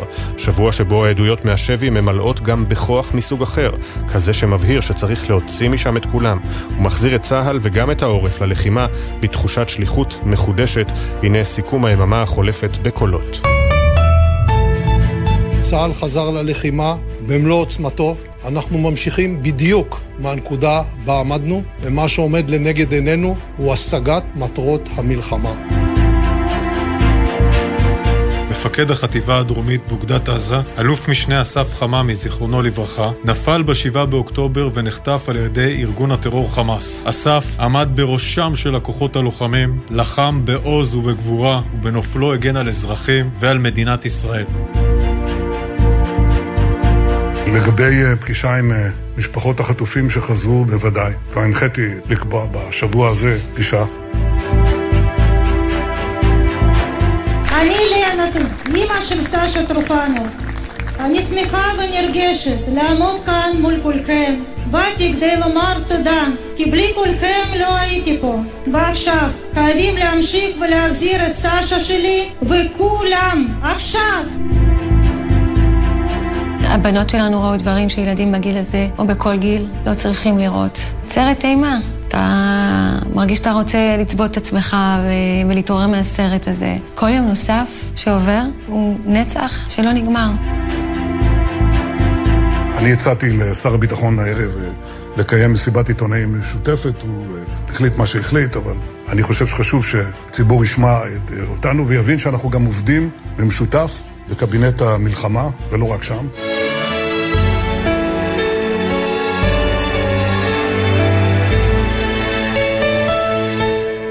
707 הבוקר הותרו לפרסום שמותיהם של שני חללי צה"ל, כשבנוסף צה"ל מוסיף להרחיב את התמרון הקרקעי ברצועה. דורון קדוש, כתבנו לענייני צבא וביטחון, פותחים את היום השלישי מאז חידוש הלחימה. נכון, אפי, אנחנו חוזרים למעשה ללחימה בתוך שטח רצועת עזה ולהרחבת התמרון, ועם הרחבת הלחימה מתרחבות גם הבשורות הקשות, והבוקר מותר לפרסום שמותיהם של שני חללי צה"ל שהודעה נמסרה לבני משפחותיהם. סמל ראשון אסצ'לו סמה, בן 20 מפתח תקווה, לוחם בגדוד 932 של חטיבת הנחל. הוא נפטר מפצעיו אמש לאחר שנפצע בקרב ב-14 בנובמבר בצפון רצועת עזה, כלומר הוא נפצע בקרב לפני שבועיים וחצי ובמהלך הזמן הזה אה, טופל בבית החולים, כאמור אתמול מת מפצעיו. והשם השני, רב סמל במילואים אור ברנדס, בן 25 משוהם, לוחם שריון מגדוד 82 של חטיבה 7, שנפל אתמול בקרב במרכז רצועת עזה. ביממה האחרונה הפי כוחות צה"ל החלו להרחיב את התמרון הקרקעי בצפון הרצועה. הכוחות החלו להתקדם מקווי הפסקת האש לעומק השכונות המזרחיות של העיר עזה, כולל לתוך מחנה הפליטים ג'באליה, ובמקביל הפלסטינים מדווחים גם על קרבות קרקעיים בדרום רצועת עזה, מה שמלמד על כך שיש כוחות מסוימים שפועלים גם שם, וזאת לצד תקיפות אוויריות מסיביות על כל אזור ח'אן יונס, שנועדו להכין את הקרקע לתמרון הקרקעי שיגיע גם לשם. תודה, דורון. תודה. עבודת צוותי המשא ומתן הישראלים בדוחה שבקטר הגיעה לשיאה בשבוע החולף במהלך ביצוע העסקה לשחרור חטופים, מקבלת רשימות הנשים והילדים, ההתעקשות על עמידת חמאס בתנאי ההסכם ופתרון משברים מדי יום, לעיתים מדי שעה. אבל בעקבות צירוף חמאס לשחרר עוד חטופים מקבוצת הנשים והילדים והפיצוץ במשא ומתן, הורה בסוף השבוע ראש המוסד לצוותו לחזור ארצה. האם זה אומר שישראל אה, מיצתה את אפשרויות התיווך שלה? כתבנו המדיני יניר קוזין, שלום. שלום, שלום אפי, בוקר טוב. תראה, לגבי אה, אה, יכולות התיווך של קטר, עוד מוקדם לומר שישראל מיצתה אותם לחלוטין, אבל ללא ספק בסבב הנוכחי נראה שתמו הניסיונות להשיג את המתווה הזה. היום לכאורה זה היום העשירי של המתווה, היה עוד אפשר איכשהו להוציא אה, חטופות וילדים מתוך השבי, אבל זה לא קרה. כשאנחנו מדברים עם גורמים בישראל, מה זה אומר לגבי ההמשך? אומרים, תראה, בשבוע הקרוב אין על מה לדבר על משא ומתן, מכיוון שהבנו שחמאס לא מעוניין לשחרר את העוד אה, חטופים מהקבוצה הזאת של הנשים והילדים, ולכן זה לא עומד על הפרק. עם זאת, צריך לומר, הלחימה תמשיך, וכנראה שגם המשא ומתן יתחדש מתישהו בזמן הלא רחוק מדי, כמו שהתחדש כאשר הייתה הלחימה בחלק הראשון של המלחמה הזאת. כלומר, בעצם אומרים, המשא ומתן יכול לחזור ול, ולהתדיין עם אה, קטאר, ואפילו עם מצרים ועם, ועם אה, ארצות הברית כמובן, כדי לנסות ולחדש את המתווה הזה, אבל צריך לומר, ישראל בשלב הזה, ואנחנו מקווים שבהמשך... בהמשך גם לא מוותרת על החטופים, על החטופות והילדים מהקבוצה הזאת. אומרים כל עוד חמאס לא מעוניין, והוא לא מעוניין לשחרר בשלב הזה אה, חטופות וילדים, אנחנו לא נוכל להמשיך לקבוצות הבאות. כך אומרים בישראל בשלב הזה, אומרים אם נחזור, זה יהיה רק כדי להוציא את האנשים מהקבוצה הזו. אז בואו נדבר על אה, השאלה אתמול לראש הממשלה נתניהו, מדוע הצהרתו לתקשורת הייתה בנפרד מהצהרה של שר הביטחון גלנט שקדמה לו, מה קרה שם מאחורי הקלעים יניר? כן, אז אה, ראש הממשלה, כפי שציינת, נשאל, אה, מדוע אין כאן הצהרה משותפת, כפי שראינו, הצהרה משולשת בדרך כלל. נתניהו, גלנט וגנץ, זו התשובה שהוא נתן, הנה.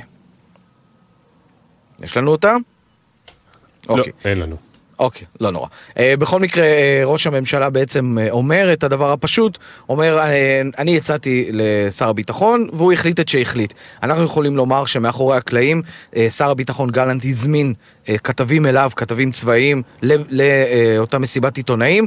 בסביבות אחר הצהריים, לעת ערב, לשכת ראש הממשלה פונה ללשכת שר הביטחון ואומרת, הבה ונעשה את המסיבת העיתונאים הזאת משותפת. אז מחליטים בלשכת גלנט לומר, אנחנו כבר הזמנו את הכתבים לשעה המיועדת שלנו. ולכן לא נעשה את זה ביחד. זה בעיקר מעיד, אפי, אין דרך אחרת להסתכל על זה, על המתח שחזר שוב בין ראש הממשלה לבין שר הביטחון. הדברים האלה אומנם באים לידי ביטוי רק במסיבת עיתונאים, אבל הם מעידים גם שיש עוד פעם מתח אולי לגבי התנהלות אה, המבצע או המלחמה בשלב הזה, ולכן ראינו כאן את, ההפר... את ההפרדה כן. בין המסרים. הם כולם עובדים ביחד בתוך קבינט המלחמה, אבל זה בא לידי ביטוי בהפרדה בשלב הזה. ביחד אבל לחוד. תודה רבה, יניר. Mm-hmm. תודה. ובזמן שבישראל מחזירים את צוותי המשא ומתן מקטאר, גם אה, חמאס טוען שהוא לא מוכן יותר לדיונים במהלך הלחימה עצמה. פרשננו לעניינים ערביים ג'קי חוגי, עם עיקרי הדברים של אה, בכיר חמאס אמס. שלום ג'קי. שלום אפי, נכון, אה, מספר 2 בצמרת חמאס מופיע אתמול באלג'זירה ושובר את הכלים, לכאורה, לא בטוח. הוא אומר לישראל, אתם לא רציתם פעימה עכשיו, נדחה אותה חודשים, לא ימים. תשמע את הדברים בקולו ואחר כך נסביר. הנה. لا يوجد الآن مفاوضات والموقف الرسمي والنهائي لحركة حماس وللمقاومة أنه لا تبادل حتى ووقف إطلاق نار شامل ونهائي. אין כרגע משא ומתן, אומר ארורי, העמדה הרשמית והסופית של תנועת חמאס ושל ההתנגדות היא שלא יהיו חילופים עד סיום התוקפנות והפסקת האש הכוללת והסופית. בעצם הוא אומר, כאשר אתם תסיימו את המלחמה, אנחנו נשוב לדבר על החטופים, ותשמע את הקטע הבא. הנה. الاحتلال يصر أن هناك ما زال عدد من الأسرى النساء والأطفال نحن كلنا ما لدينا الذي لدينا نساء وأطفال قمنا بالتبديل عليه وإذا كان هناك بعض الحالات نحن لا نعرف عنها ولم نتمكن الوصول إليها. הכיבוש מתעקש שיש עוד נשים וילדים, אמרנו מה שיש לנו. אלה שהיו אצלנו החזרנו.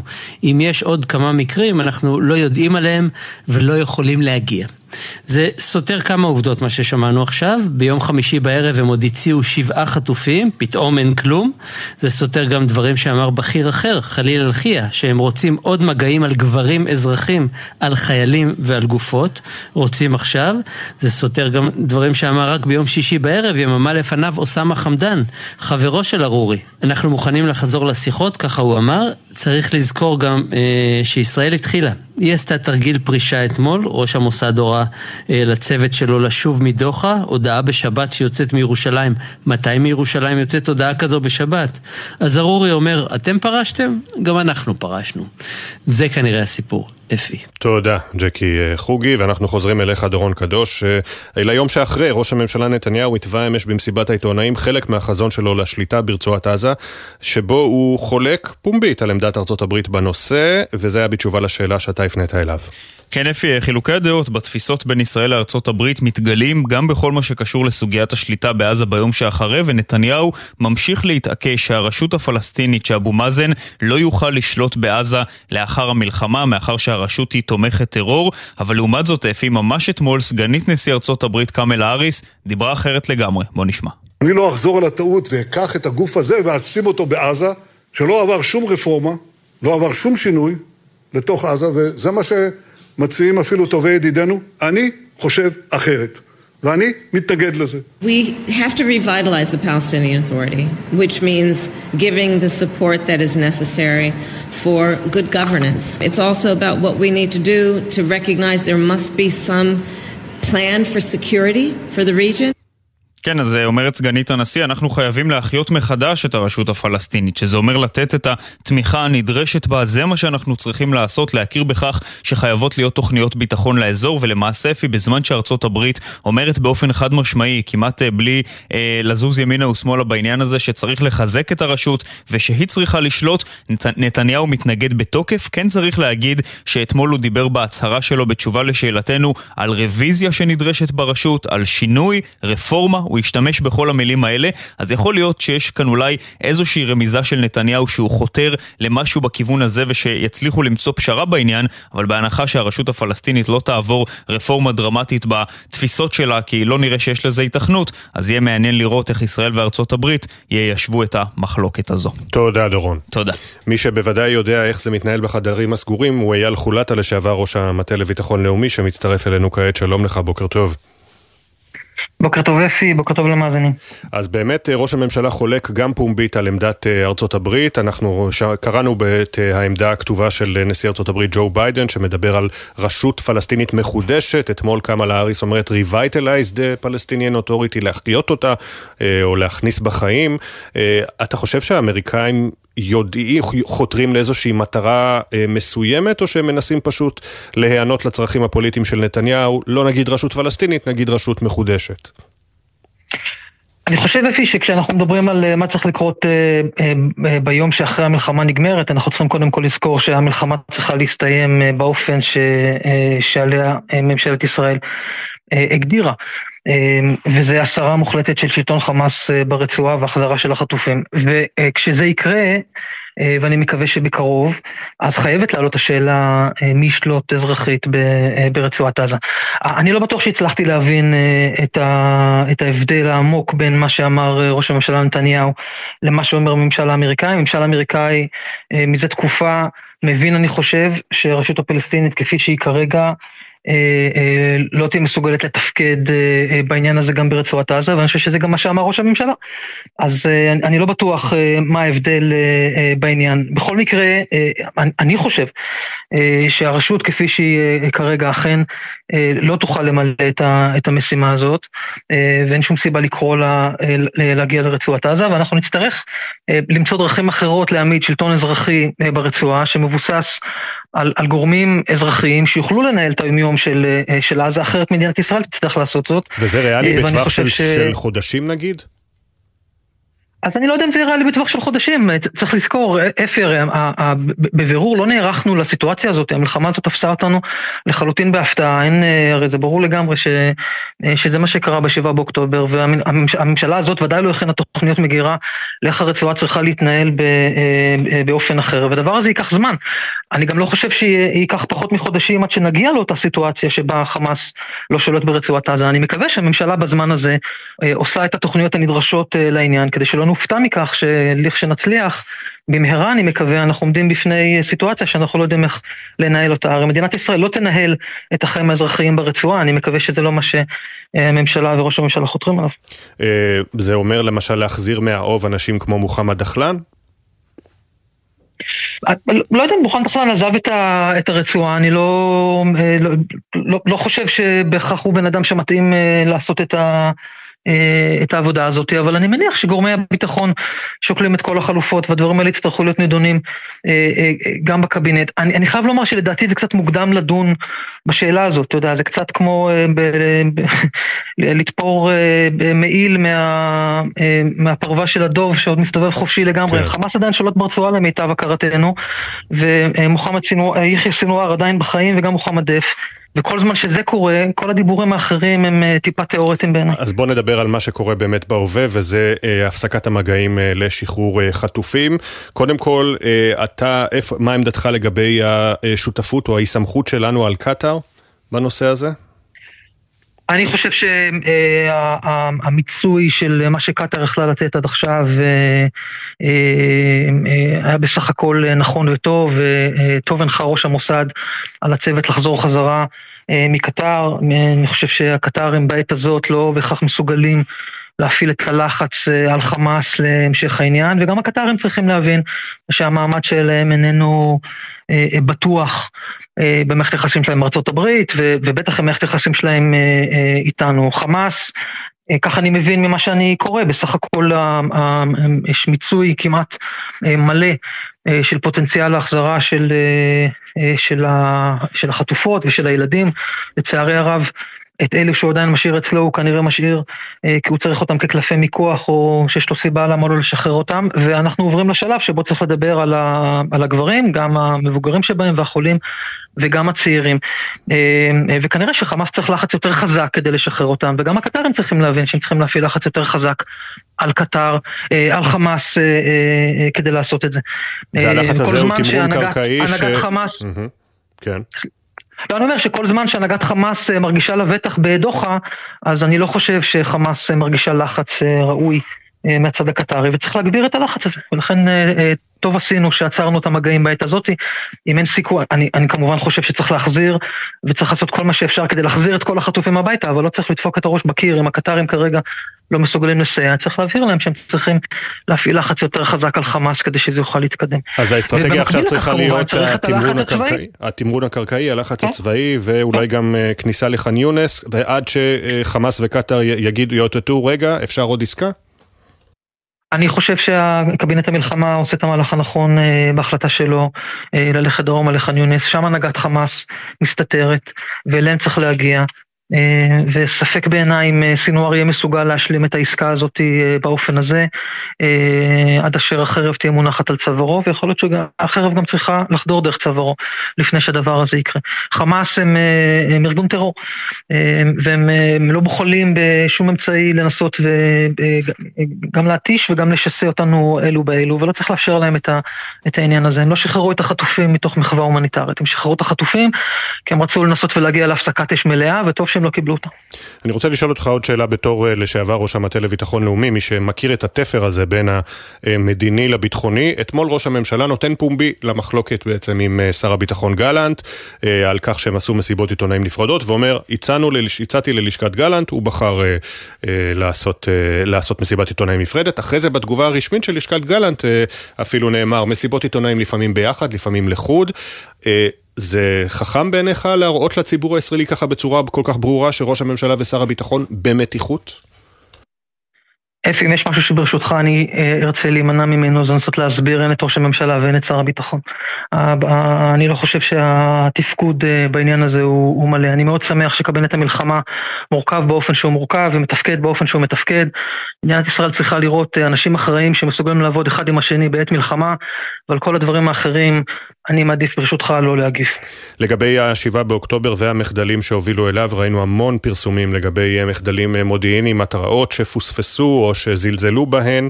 אה, אתה חושב שצריך להתחיל את החקירה עכשיו או לחכות לאחרי המלחמה? תראה, אין ספק שיש דברים שצריך אה, אה, אה, להתחיל בהם כרגע, במיוחד משום שהדברים כבר מתחילים לצאת לתקשורת, אז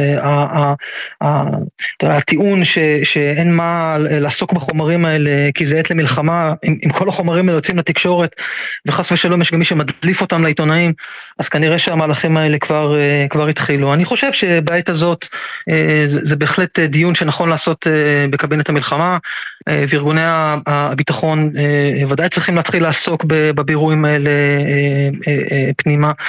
אבל ברור שעד שהלחימה לא תסתיים אי אפשר יהיה להקים את ועדת החקירה שצריך להקים כאן שתבדוק את כל הסוגיות האלה, הדברים שמתפרסמים אכן מאוד מטרידים, אבל אני חושב שהציבור יודע, ללא ספק היה כאן כשל מאוד מאוד גדול, וקטסטרופה.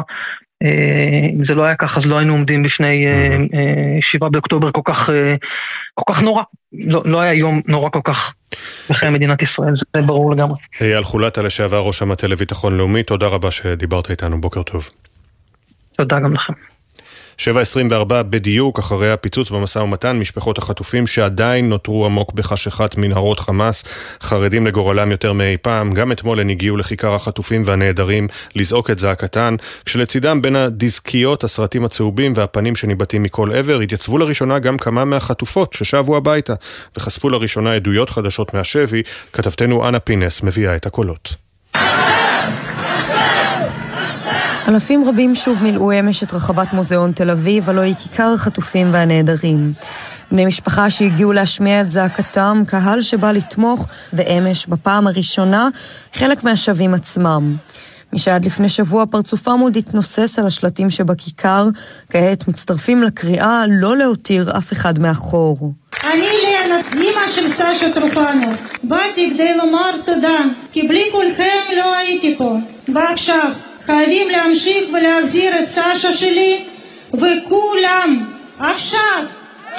מלבד ילנה טרופנוב, שנחטפה מקיבוץ ניר עוז ונעמה על הבמה עצמה שבכיכר, שוות נוספות פנו אל הקהל במסר מוקלט שהוקרן על מסקי הענק. דניאל אלוני, שהשתחררה עם בתה אמיליה, סיפרה, עברנו גיהנום. סרט אימה. אני מדברת ואני רועדת, סליחה, אני... זה היה מבעית, זה היה... זה היה מפחיד. יפה הדר, דיצה אימן ויוכבד ליפשיץ, בין המבוגרות ביותר שנחטפו בשבת השחורה, שיתפו אף הן את המצלמה והקהל בפיסה מהזוועות שעברו. החמצן בתעלות הולך ואוזל, ובארבעה ימים האחרונים אני חליתי, פחדו שאני אגרום למגפה במנהרות שם. אל קריאתה הצטרפה גם הדס קלדרון, שילדיה סער וארז שוחררו השבוע, אבל אביהם עופר נותר בשבי. המשפט הראשון שאמרו לי כשנפגשנו, אמא, את חיה? אבא שלהם עדיין שם. משפחות החטופים והשבים והשבות ממשיכים לדרוש בהקדם להיפגש עם קבינט המלחמה. ובמקביל לזעקות, רק כמה מטרים משם, בבסיס הקריה, קיים ראש הממשלה בנימין נתניהו מסיבת עיתונאים. לשאלת גלי צה"ל הוא ענה כי הנחה לקבוע פגישה עם החטופים שחזרו עוד השבוע, לא ברור האם ייפגש גם עם המשפחות של מי שנותרו כרגע מאחור. ועכשיו ניפרד מאלוף משנה אסף חממי, גיבור ישראל. אתמול, ביום הולדתו 41, הותר לפרסום שמפקד החטיבה הדרומית באוגדת עזה נפל בקרבות ב-7 באוקטובר, גופתו נחטפה אה, לעזה. הכתבה של אילי זילברברג ודורון קדוש. אלוף משנה אסף חממי הגן במשך עשרות שנים על יישובי העוטף, עוד מאז שהיה לוחם צעיר בגבעתי, כפי שתיאר בעצמו בנאום האחרון שנשא שבועות ספורים לפני המלחמה. את הגזרה הזאת יצא לי לפגוש מכמה זוויות שונות במהלך שירותי בצבא. החל ממפקד פלוגה מסייעת בגדוד כיסופים, סמג"ד פה בצוק איתן, מג"ד צבר בתקופת שומרי הסף. חממי התגייס לצה"ל לפני 22 שנה, הישר לחטיבה הסגולה. פיקד על גדוד צבר והיה מועמד לפקד גם על החטיבה כולה. ב-7 באוקטובר הוא היה מהראשונים לצאת לקרב, הוא סגר את השבת הזו בבסיס עם בנו הצעיר, הפקיד אותו בחמ"ל האוגדה, ויצא בראש לוחמיו להילחם על קיבוץ נירים, שם נפל באחת ההיתקלויות הראשונות עם הקשר שלו תומר יעקב אחימס, זיכרונו לברכה, והחפ"ק שלו קיריל ברודסקי, זיכרונו לברכה. גופותיהם של שלושתם נחטפו לרצועת עזה, אלוף משנה במילואים חזי נחמה, שפיקד על פלסר גבעתי כשחממי היה שם לוחם צעיר, לא הופתע מהגבורה שגילה בשבת השחורה. היה ברור שהוא צריך להיות... אה... קצין והיה ברור שהוא חוזר לסיירת. היה בן אדם ערכי, וכשאמרו לי שהוא אה, היה בין ההרוגים, הדבר הראשון שאמרתי שברור שהוא לא בן אדם שיילקח בשבי, הוא בן אדם שיילחם עד, uh, עד הסוף. כמפקד החטיבה הדרומית, אסף היה מופקד על הגנת יישובי המועצה האזורית אשכול והקריב למענם את חייו, כפי שמספר ראש המועצה, גדי ירקוני. אדם שרצה שתמיד חיי השגרה פה יהיו מעל הכל. וגם הדבר החשוב ביותר שאומר, זאת אחריותי, שאתם תוכלו לנהל פה את החיים ללא הפרעה ביטחונית הוא לא רק אמר את זה, הוא גם עשה את זה, ואת הדבר הזה הוא גם הכניס לחייליו. ולמרות שהיה קצין בכיר, חממי תמיד היה בשטח, חי עם החיילים, מרגיש ומכיר אותם מקרוב, והיה מוותר על כל דיון בלשכה לטובת עוד שעה במוצב. דניאל, שהייתה הרל"שית שלו כמפקד יחידת רימון, מספרת שחממי נהג בפקודיו כבני אדם לפני הכל. כל מה שאפשר לחלום עליו בתור מפקד, בן אדם שנותן לך להרגיש כל כך בטוח כשאתה לידו, במקביל נותן לך להרגיש שאתה שווה ערך אליו. לוחם בכל רמ"ח איבריו, גבר שבגברים, גם בן אדם כל כך עדין ורגיש וצנוע, בחיים הוא לא היה נותן שיחמיאו לו. הלווייתו של אלוף משנה, אסף חממי, החלל הבכיר ביותר שחטוף בידי חמאס בעזה, גיבור ישראל, תיארך מחר ב-11 בבית העלמין בקריית שאול. הוא הותיר אחריו אישה ושלושה ילדים. יהי זכרו ברוך. דמעות השמחה של חברי קהילת ניר עוז בארי וניצולי מסיבת נובה על חזרת חלק מהחטופים חזרו בסוף השבוע להיות דמעות של אבל, של עצב, עם היוודע אה, דבר הירצחם של שישה ישראלים שהוגדרו עד אז חטופים בעזה, בהם אליהו, שהיה הצ'רצ'יל של הקיבוץ, מאיה, הגננת המיתולוגית, וגיא, שרק החל ליצור מוזיקה בעצמו. שי ישראל ואילי זילברברג שוחחו עם בני משפחה וחברים שקיוו כל הימים האלה לפגוש שוב את יקיריהם. על דני אנגל עברו חודשיים מהגיהנום, והמתנה לדעת מה עלה בגורל אחיו רונן ומשפחתו, בני ניר עוז שנחשבו חטופים בעזה. אשתו של רונן ובנותיו חזרו מהשבי, ורונן, בן 54, הוכרז בסוף השבוע כנרצח. אני ראיתי סרטון שעלה מהטלפון של רונן, שמחבל מצלם את עצמו, באותה שנייה הבנתי שרונן כבר לא איתנו. זה שקיבלתי את ההודעה, זה כאילו פשוט סגר לי את המעגל, פחדתי שעל רונן לעולם לא נדע מה קרה. גם משפחת מרגלית עברה רכבת הרים רגשית אכזרית במיוחד השבוע, בין השמחה על חזרתה של נילי מהשבי, לבין ההודעה על הירצחו של אליהו, צ'רצ'יל, מרגלית, בן 76, מנהיג החברים בקיבוץ ניר עוז, לפי נועה ביתו. כולם זוכרים אותו בקיבוץ בגלל הטרקטורון, בגלל החוש הומור שלו, אבל אני זוכרת אותו בעיקר בגלל שהוא היה אבא צ'רצ'יל. מאיה גורן, בת 56, הייתה הגננת המיתולוגית בניר עוז, ובשבת השחורה, בבוקר בו נרצח בעלה, והיא נחטפה לעזה, היא הייתה עם ילדי הקיבוץ. כך מספר אמיר, גיסה שהתבשר עם משפחתה בסוף השבוע על מותה. תמיד הייתה מחייכת. הייתה גם מסורה לכל מי שהיא מכירה, לילדים שהיא טיפלה בהם וגם להורים שלהם. אנחנו תמיד אה, מבינים שאותה המסירות הזאת והדאגה שלה הביאה אותה אה, לבית הילדים בקיבוץ. אריה זלמנוביץ' היה זקן החטופים. בן 85, גם הוא מניר עוז. ביום שישי הוא הוכרז כנרצח, ובועז בנו אמר בריאיון לגלי צה"ל אתמול שמות אביו רק מחזק את הצורך בהחזרת שאר החטופים. הוא נרצח לא ב- בירי, לא בשריפה ולא בחניקה, אלא בייסורי גוף ונפש. גם קיבוץ בארי איבד במהלך סוף השבוע חברה שנחשבה חטופה. עופרה קידר נחטפה לעזה בזמן שבעלה נרצח, ושלשום הודיע הקיבוץ על מותה. כלתה ענבר מספרת שהייתה חמות לא רגילה. עופרה הייתה בת 70, יעל הבת שלה עם צרכים מיוחדים, ועופרה הייתה כל עולמה. עופרה ספורטאית בנשמה. בשבת השחורה יצאה להליכה כהרגלה בחמש בבוקר, ולאחר חודשיים התגלה לנו שהיא נרצחה בסביבות השעה שבע. גיא אילוז, בן 26 מרעננה, היה מוזיקאי בכל רמ"ח איבריו. כבר מילדותו. מהטבח במסיבה ברעים הוא ברח ברכב חבריו, הספיק לדבר עם אביו בפעם האחרונה, והוכרז בערב שבת כנרצח. מורן, שהיה מעסיקו וחברו, מספר שגיא חלם לפרוץ בעולם המוזיקה. בחור נעים, נבון, חכם, מופנם. אחד, בא לך תמיד לחבק. גיא מאוד אהב את מה שהוא עשה. היה גאה לעסוק בסאונד ומוזיקה. שאף להתקדם בתחום. רצה ללמוד הכל. דבר מותם של נרצחים בסוף השבוע אומת בין היתר בזכות עדויות של חטופים ששבו מעזה.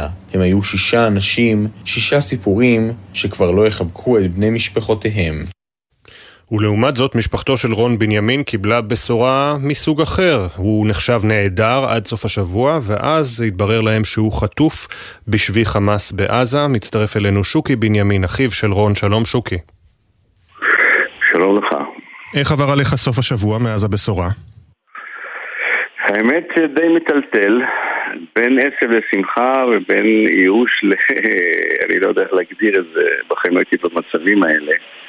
אבל אה, אתה יודע, אחרי 57 ימים שאנחנו לא יודעים מה קורה עם אחי, וכל המחשבות הכי הזויות והקטסטרופיות עולות לך בראש, אז פתאום אתה מקבל טלפון מהמדינה ומודיעים לך שהוא חטוף. אז אה, קצת הזוי, אתה שמח כאילו מחר הוא, מחר הוא מגיע, אבל בסופו של דבר אתה שמח שאח שלך חטוף, זו סיטואציה מאוד מוזרה. אבל עצם זה שאנחנו בעצם קיבלנו את ההודעה הזאת, אז זה נתן לנו איזה אופק, איזה מה שנקרא חמצן לראש, כי אנחנו יודעים לפחות שהוא חטוף והוא חי. וכל התקופה הארוכה הזאת, לא היה לנו מושג מה קורה איתו, אבל כל הדברים הכי גרועים עלו לנו בראש. אז מבחינה הזאת זה בהחלט אה, הודעה טובה מבחינתנו. כי בעצם ב-7 באוקטובר הוא יצא לרכוב על אופניים עם הקבוצה שלו בבארי, מוקדם בבוקר, ואז החלו אזעקות. כן. והוא החליט לעזוב את הקבוצה לנסוע בחזרה והגיע עד מפלסים, נכון? עם האוטו. כן, כ-400 מטר אה, לפני מפלסים. לפי טורן הרכב שלו נעצר שם, קיבלנו את, את המיקום שם, ונאמר לנו שהרכב מאז לא, לא זז. ומאז לא שמענו ממנו, וכל האינדיקציות שהיו לנו זה שרון חטוף. אבל היה לנו אישור רסמי מהמדינה. יודעים משהו על מצבו? לא, מה שקיבלנו הודעה זה שהוא חטוף, אה, אין לנו מושג איך הם יודעים את זה ואיך הם גילו את זה, ולא, אין לנו שום מושג, מבחינתנו הודיע לנו שהוא חטוף וזה מה שאנחנו צריכים לדעת כרגע. ספר לנו קצת על רון. רון אה, אה, אהב את הארץ, אהב את הטבע, וכל חטאו היה בזה שהוא נסע לטיול במדינת ישראל, וזה מה שמתסכל אותנו. ברגע שהתחילו מטח טילים, אז הוא החליט שהוא, מקומו יהיה עם המשפחה שלו, כי הוא מגונן עליהם והוא חשוב לו תמיד לשמור על הקן המשפחתי הזה. ואז הוא נסע לכיוון, אה, בכביש 232, ונעצר שם כנראה על ידי מחבלים. ורון ממש אהב את הטבע, אהב את הארץ, אהב לטייל בארץ. רון אהב גם מוזיקה, הוא אוהב, אה, בניגוד לאיך שהוא נראה, הוא אוהב רוק. היינו הולכים ביחד להופעות בארץ ובחו"ל. ואהב את החיים הטובים, אהב את המשפחה, היה מאוד אה, אב, מאוד מסור לילדים שלו, הוא היה כל דקה איפה הם נמצאים ומה, והכל רק דואג להם ודואג להם. היום המצב התהפך שהם דואגים לו. אמרת קודם שאתה במין מצב מוזר, אתה שמח שהודיעו לך שהוא חטוף. עכשיו צריך להתחיל לחשוב, אתה יודע, על עסקאות, על לחימה בעזה, דברים כאלה. נכון, נכון. כן, תראה, אה, אנחנו, אין לנו פה הרבה מה לעשות. עצם זה שהוא חטוף, מה שלא ידענו זאת אומרת שהוא חי, מה שלא היה לנו את הידע, את המידע הזה קודם. אנחנו חשבנו כבר שאולי הגופה שלו זרוקה באיזה מקום, אז לפחות אנחנו אומרים שאתה יודע, זה, יש לנו סימן חיים שהוא חי. אבל מצד שני, אתה יודע, זה קצת הזוי שאתה שמח שהאח שלך חטוף. זה, לא מצב uh, הגיוני. לכן הטירוף חושים הזה. עכשיו אנחנו רוצים, מצפים שהממשלה תעשה הכל כדי להחזיר את החטופים. כי זה באחריות, כל הכשל שהיה זה כשל של המדינה. אתה שומע מאנשים שחוזרים, זה קטסטרופה. מבחינת חטופים. הם פשוט עוברים שם חלק עינויים, אין להם אוכל, תנאים מאוד לא, לא סבירים בעליל של האנשים שמחזיקים אותם שם. לכן חשוב מאוד שיעשו את כל מה שניתן על מנת להחזיר אותם מהר, ואת החמאס תמיד אפשר לחסל. הם לא בורחים לאף מקום. אחרי שהם יחזרו, שיעשו מה שהם רוצים, מבחינתנו. אבל כמה שיותר מהר זה צריך להיות, כי כל יום זה כמו גיהנום, וגם בשבילנו זה כמו גיהנום. ותוסיף לזה את אימא שלי שהיא בת 93, שעד אתמול לא סיפרנו לה כלום. סיפרנו לה שרון חולה קורונה, והוא לא יכול, והסיבה שלו, הוא לא יכול לדבר איתה, כי היא רגילה שהוא מתקשר אליה כל יום. לשאול מה שלומה. היא די צלולה בראשה, היא מבינה כל דבר, ונאלצנו לשקר לה, כי אמרנו, אתה יודע, הגיוני שתוך ארבעה, חמישה ימים, ככה נוכל לדעת קצת אינפורמציה על רון, ואז יהיה לנו יותר קל להסביר לה מה באמת קורה. לא תיארנו לעצמנו שנבוא 57 ימים על מנת שנקבל אינפורמציה בכלל מה איתו. אבל הגענו לסיטואציה איתה שהיא כבר אומרת לא מעניין אותי כלום, קורונה לא קורונה, אני רוצה לראות את הבן שלי. ואז נאלצנו ביום שישי האחרון, הבאנו רופא הביתה, ומה שעשינו, סיפרנו לה את הסיפור, וניחמנו אותה בזה שהוא חטוף, אבל הוא חי. לפחות את זה היה לנו להגיד לה. וזה עוד לפני שידענו שהוא באמת חטוף וחי, כאילו אמרנו לא נוכל להגיד לה משהו אחר. אנחנו קיבלנו את ההודעה בצהריים. אבל בבוקר, ב-11 בבוקר, הודענו לה שהוא חטוף וחי, והיא לקחה את זה מאוד קשה.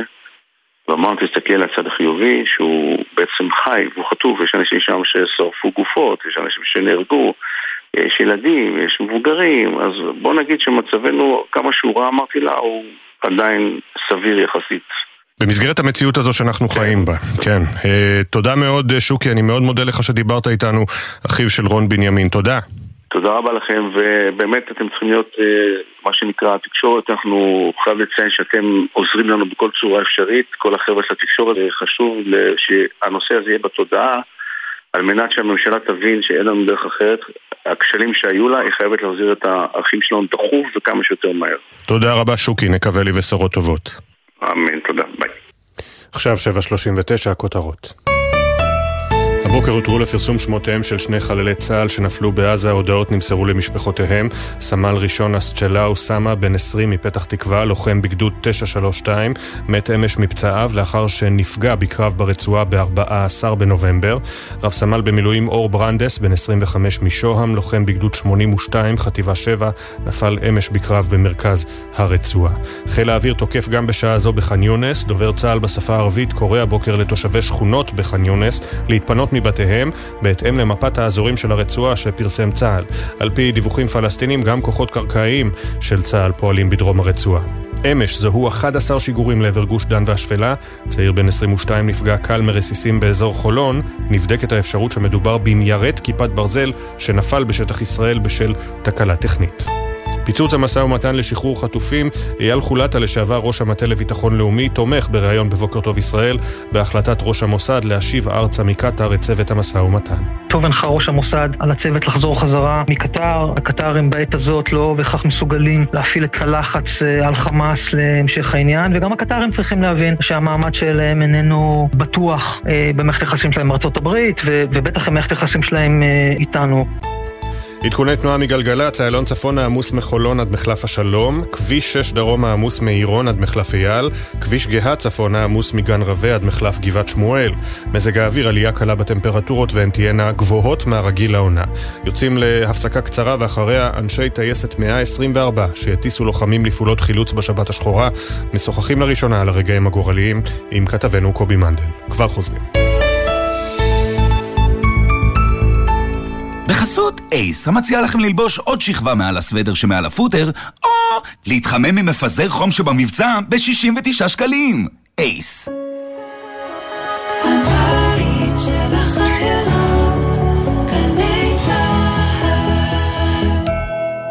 בחסות זאפ, המזמינה אתכם לנובמבר ישראלי, איירפוד 2 של אפל ב-499 שקלים, ועוד עשרות אלפי מוצרים במחירי זאפ ובקנייה ישירה. זו העונה של קטיף העדרים. זו העונה של שתילת הירקות.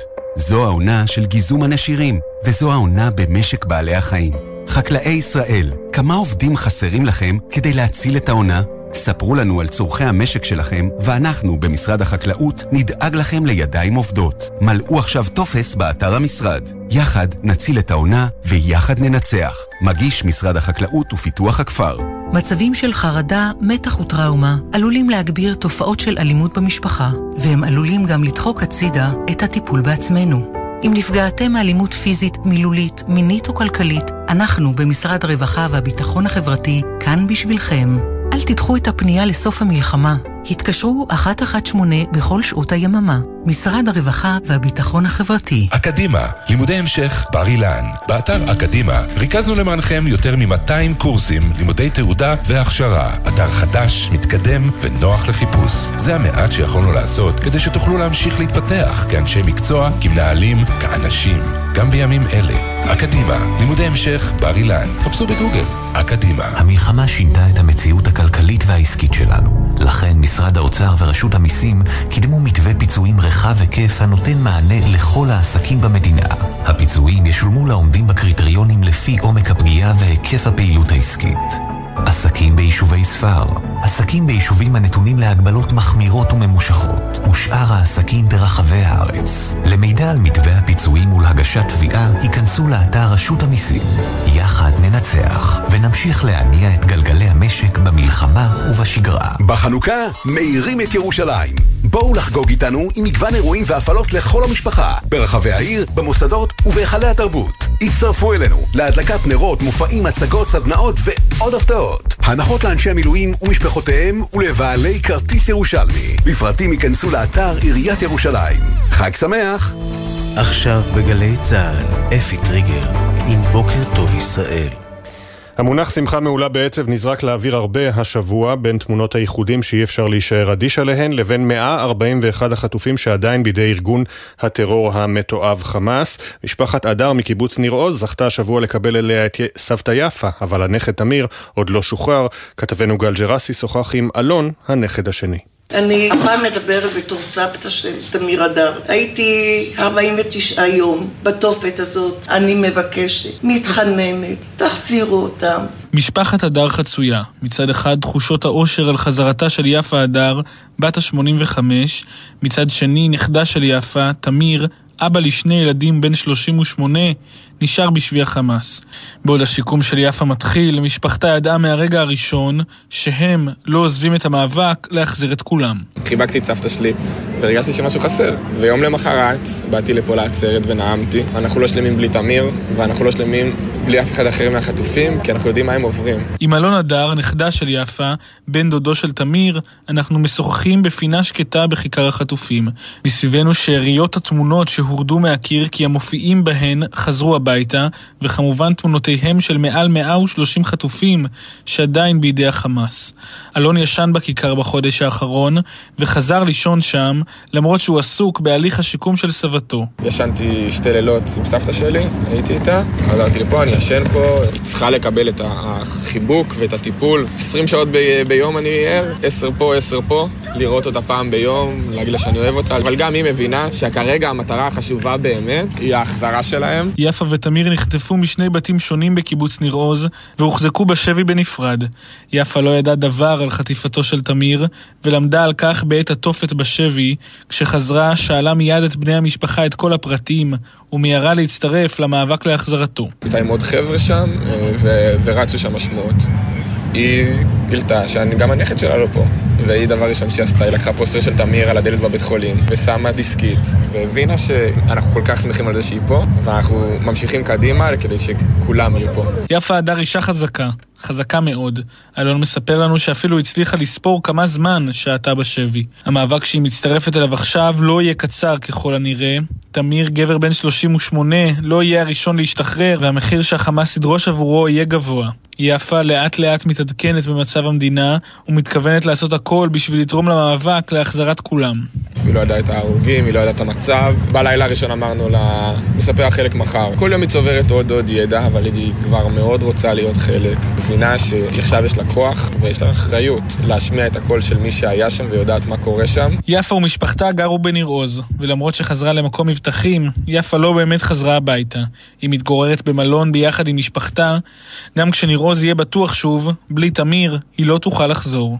החזרה של תמיר וחזרה של שאר החטופים יכולה קצת להחזיר להם את הביטחון שעבד ב-7 באוקטובר. ואיך סבתא שלי אמרה היום, אני מבוגרת, לא יודעת כמה עוד שנים יש לי לחיות, אני רוצה לזכות לחבק את תמיר שוב. ואנחנו צריכים לעשות הכל כדי שהיא תזכה לעשות את זה. ועכשיו אל הפוליטיקה, הדיונים בכנסת על התקציב והתקציב עם הכספים הקואליציוניים יחלו השבוע, כתבנו הפוליטי יובל שגב, נראה שראש הממשלה ושר האוצר לא מתכוונים לשנות משהו. כן, אפי, לא נראה שזה הולך להשתנות ברגע האחרון, ולכן צפוי לנו שבוע סוער יחסית למה שהתרגלנו עד עכשיו במלחמה הזאת אה, בכנסת, כשהאופוזיציה תנסה מצד אחד לעכב את התקציב, לעשות רעש בגלל הכספים הקואליציוניים שנותרו, ומנגד לא לעכב מדי, כדי לא להיתפס כמי שמונעת את העברתם של אה, עשרות אה, מיליארדי שקלים לצורכי המלחמה. בכל מקרה, במרכז התקשורתי נקרא לזה, נמצאים כמובן הכספים הקואליציוניים שנותרו. ראש הממשלה נתניהו קרא לזה אתמול פופוליזם, בואו נשמע את הדברים שלו. כל הדיון הזה הוא רווי בפופוליזם ובשנאת חינם.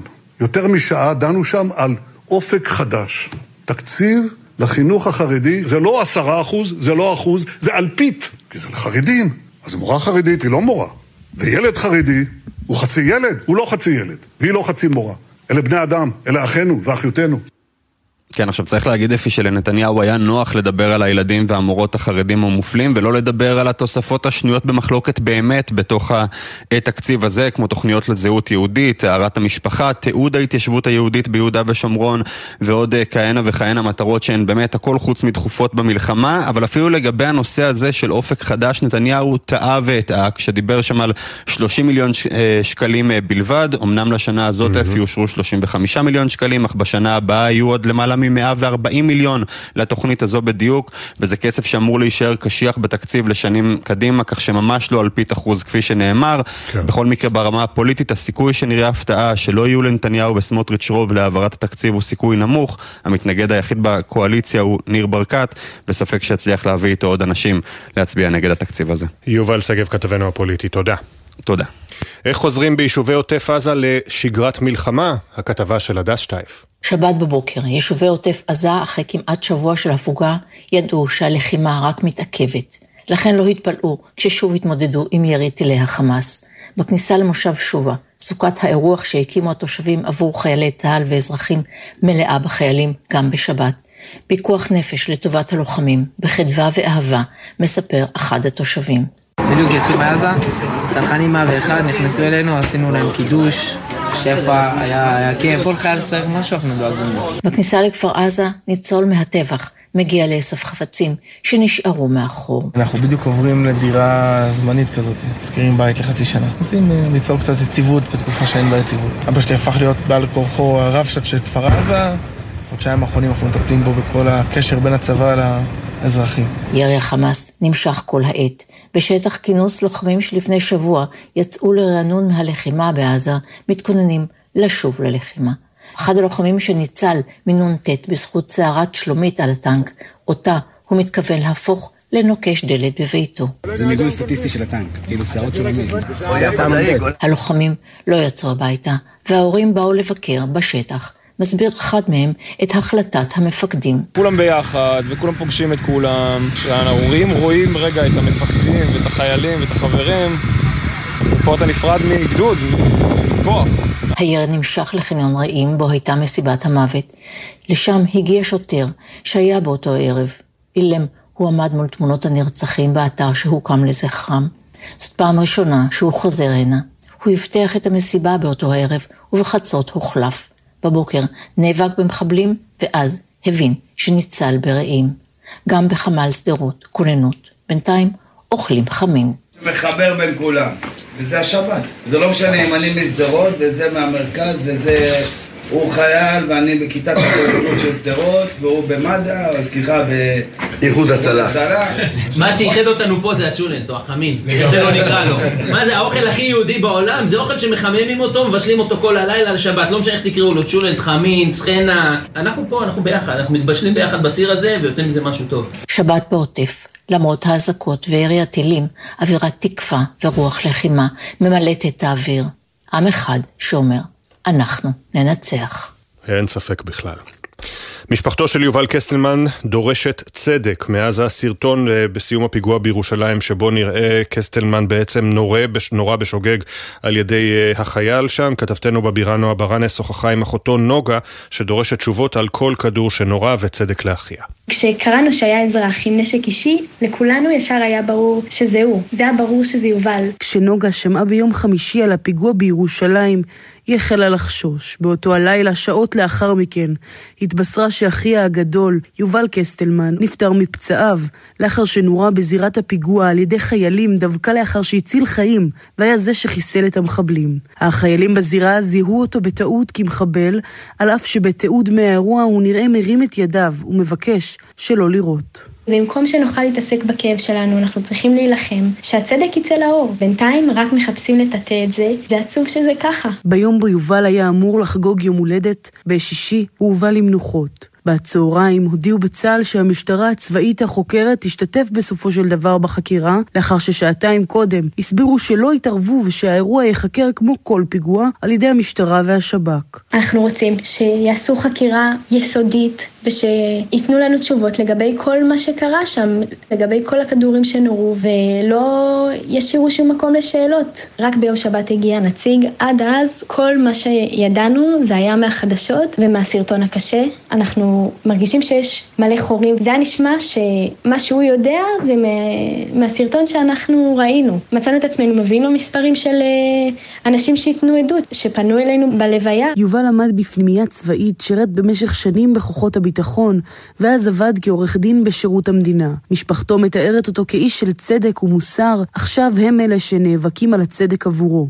התקרית שעוד תחקר מעלה שאלות רבות לגבי אכיפת נהלי הפתיחה באש, שעולים מדי פעם לדיון ציבורי, מאז אירוע אלאור עזריה לפני כשבע שנים. במסיבת עיתונאים שקיים אמש נשאל ראש הממשלה נתניהו על התקרית והשפעותיה על מתן נשק לאזרחים. הימצאותם של אזרחים חמושים הרבה פעמים הצילה ומנעה אסון גדול. ברגע שאתה מחלק לנשק במספרים יותר גדולים, יכול להיות שנשלם על כך מחירים. אלה החיים. אני חושבת שהוא צריך לראות את הסרטון של אח שלי שנורה, אחרי שהוא יורד על הברכיים ומרים ידיים, ולהגיד האם זאת תאונה שאפשר להסתכן שתקרה בזירה, ואם עדיין אלו החיים. הם המריאו בשבת השחורה לאינספור משימות חילוץ והנחתת כוחות בשטח ופועלים גם לאורך המלחמה תחת אש. קובי מנדל פגש את אנשי טייסת 124. בוקר יום שבת, השבעה באוקטובר, בטייסת 124, הטייסת המכונה החרב המתהפכת שבבסיס פלמחים, הבינו שמשהו גדול קורה ביישובי עוטף עזה. חוזרים עליי אחרי כמה דקות, אומרים כן, צריכים שתגיע. והרגע הזה שאני מסתכל על אשתי, ושני הילדים שלנו מחובקים איתנו במסדרון בתוך, ה... בתוך הבית, זה שאני צריך להגיד לה, אני מצטער אבל אני חייב ללכת, זה משהו שלא יצא לי להגיד כמעט אף פעם. בעוד דקות ימריא רב סרן ד', כמו גם חבריו לצוותי האוויר במסוקי הינשוף, הבלק הוק, לאזור היישובים בעוטף עזה. מי עם לוחמי יחידת שלדג, ומי עם לוחמי 669 לחלץ נפגעים. ותוך כדי טיסה מקבל רב סרן ד', סגן מפקד טייסת הינשופים, שיחת טלפון לא צפויה מאילן אייזקסון, קצין הביטחון של המועצה האזורית אשכול. הייתה זו שיחה קצרה שהבהירה מה קרה באותן דקות בבארי. באותו שלב הוא מבין שיש כמה מחבלים, הוא לא יודע מה קורה בדיוק, והוא אומר לנו שיש פה לפחות חמישה מחבלים, הם עולים על שופלים ודורסים ובסוף שורפים פה את כל היישוב, והם עלו על גגות, הם יורים בנו עם נשק צלפים, עם רימונים, ובעצם הצעד הבא או השלב הבא זה שהם יטבחו פה בכל האזרחים, יעברו בית בית ויהרגו את כולם, ככה הוא אומר, וזה האסימון שנופל לנו ואנחנו מבינים שמשהו אחר, משהו גדול קורה. ההחלטה האינסטינקטיבית הראשונה שלי זה אנחנו באים אליך. בפועל לקיבוץ בארי הגיעו יותר מ-150 מחבלי חמאס, ורב סרן ד' ניצב בפני החלטה גורלית היכן להנחית את המסוק עם לוחמי שלדג.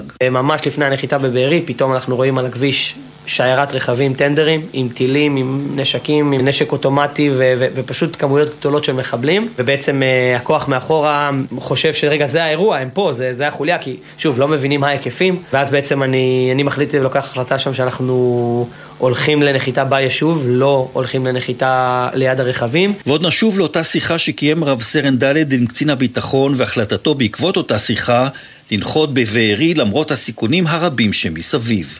בה בעת טייס אחר, גם הוא רב סרן ד', מוותיקי הטייסים במאה ה-24, אשר בימי שגרה הוא גם המדריך הראשי בטייסת, הוא נקרא בתחילה לנחות בדחיפות בבסיס השייטת בעתלית, להוביל לוחמים ליישובי העוטף.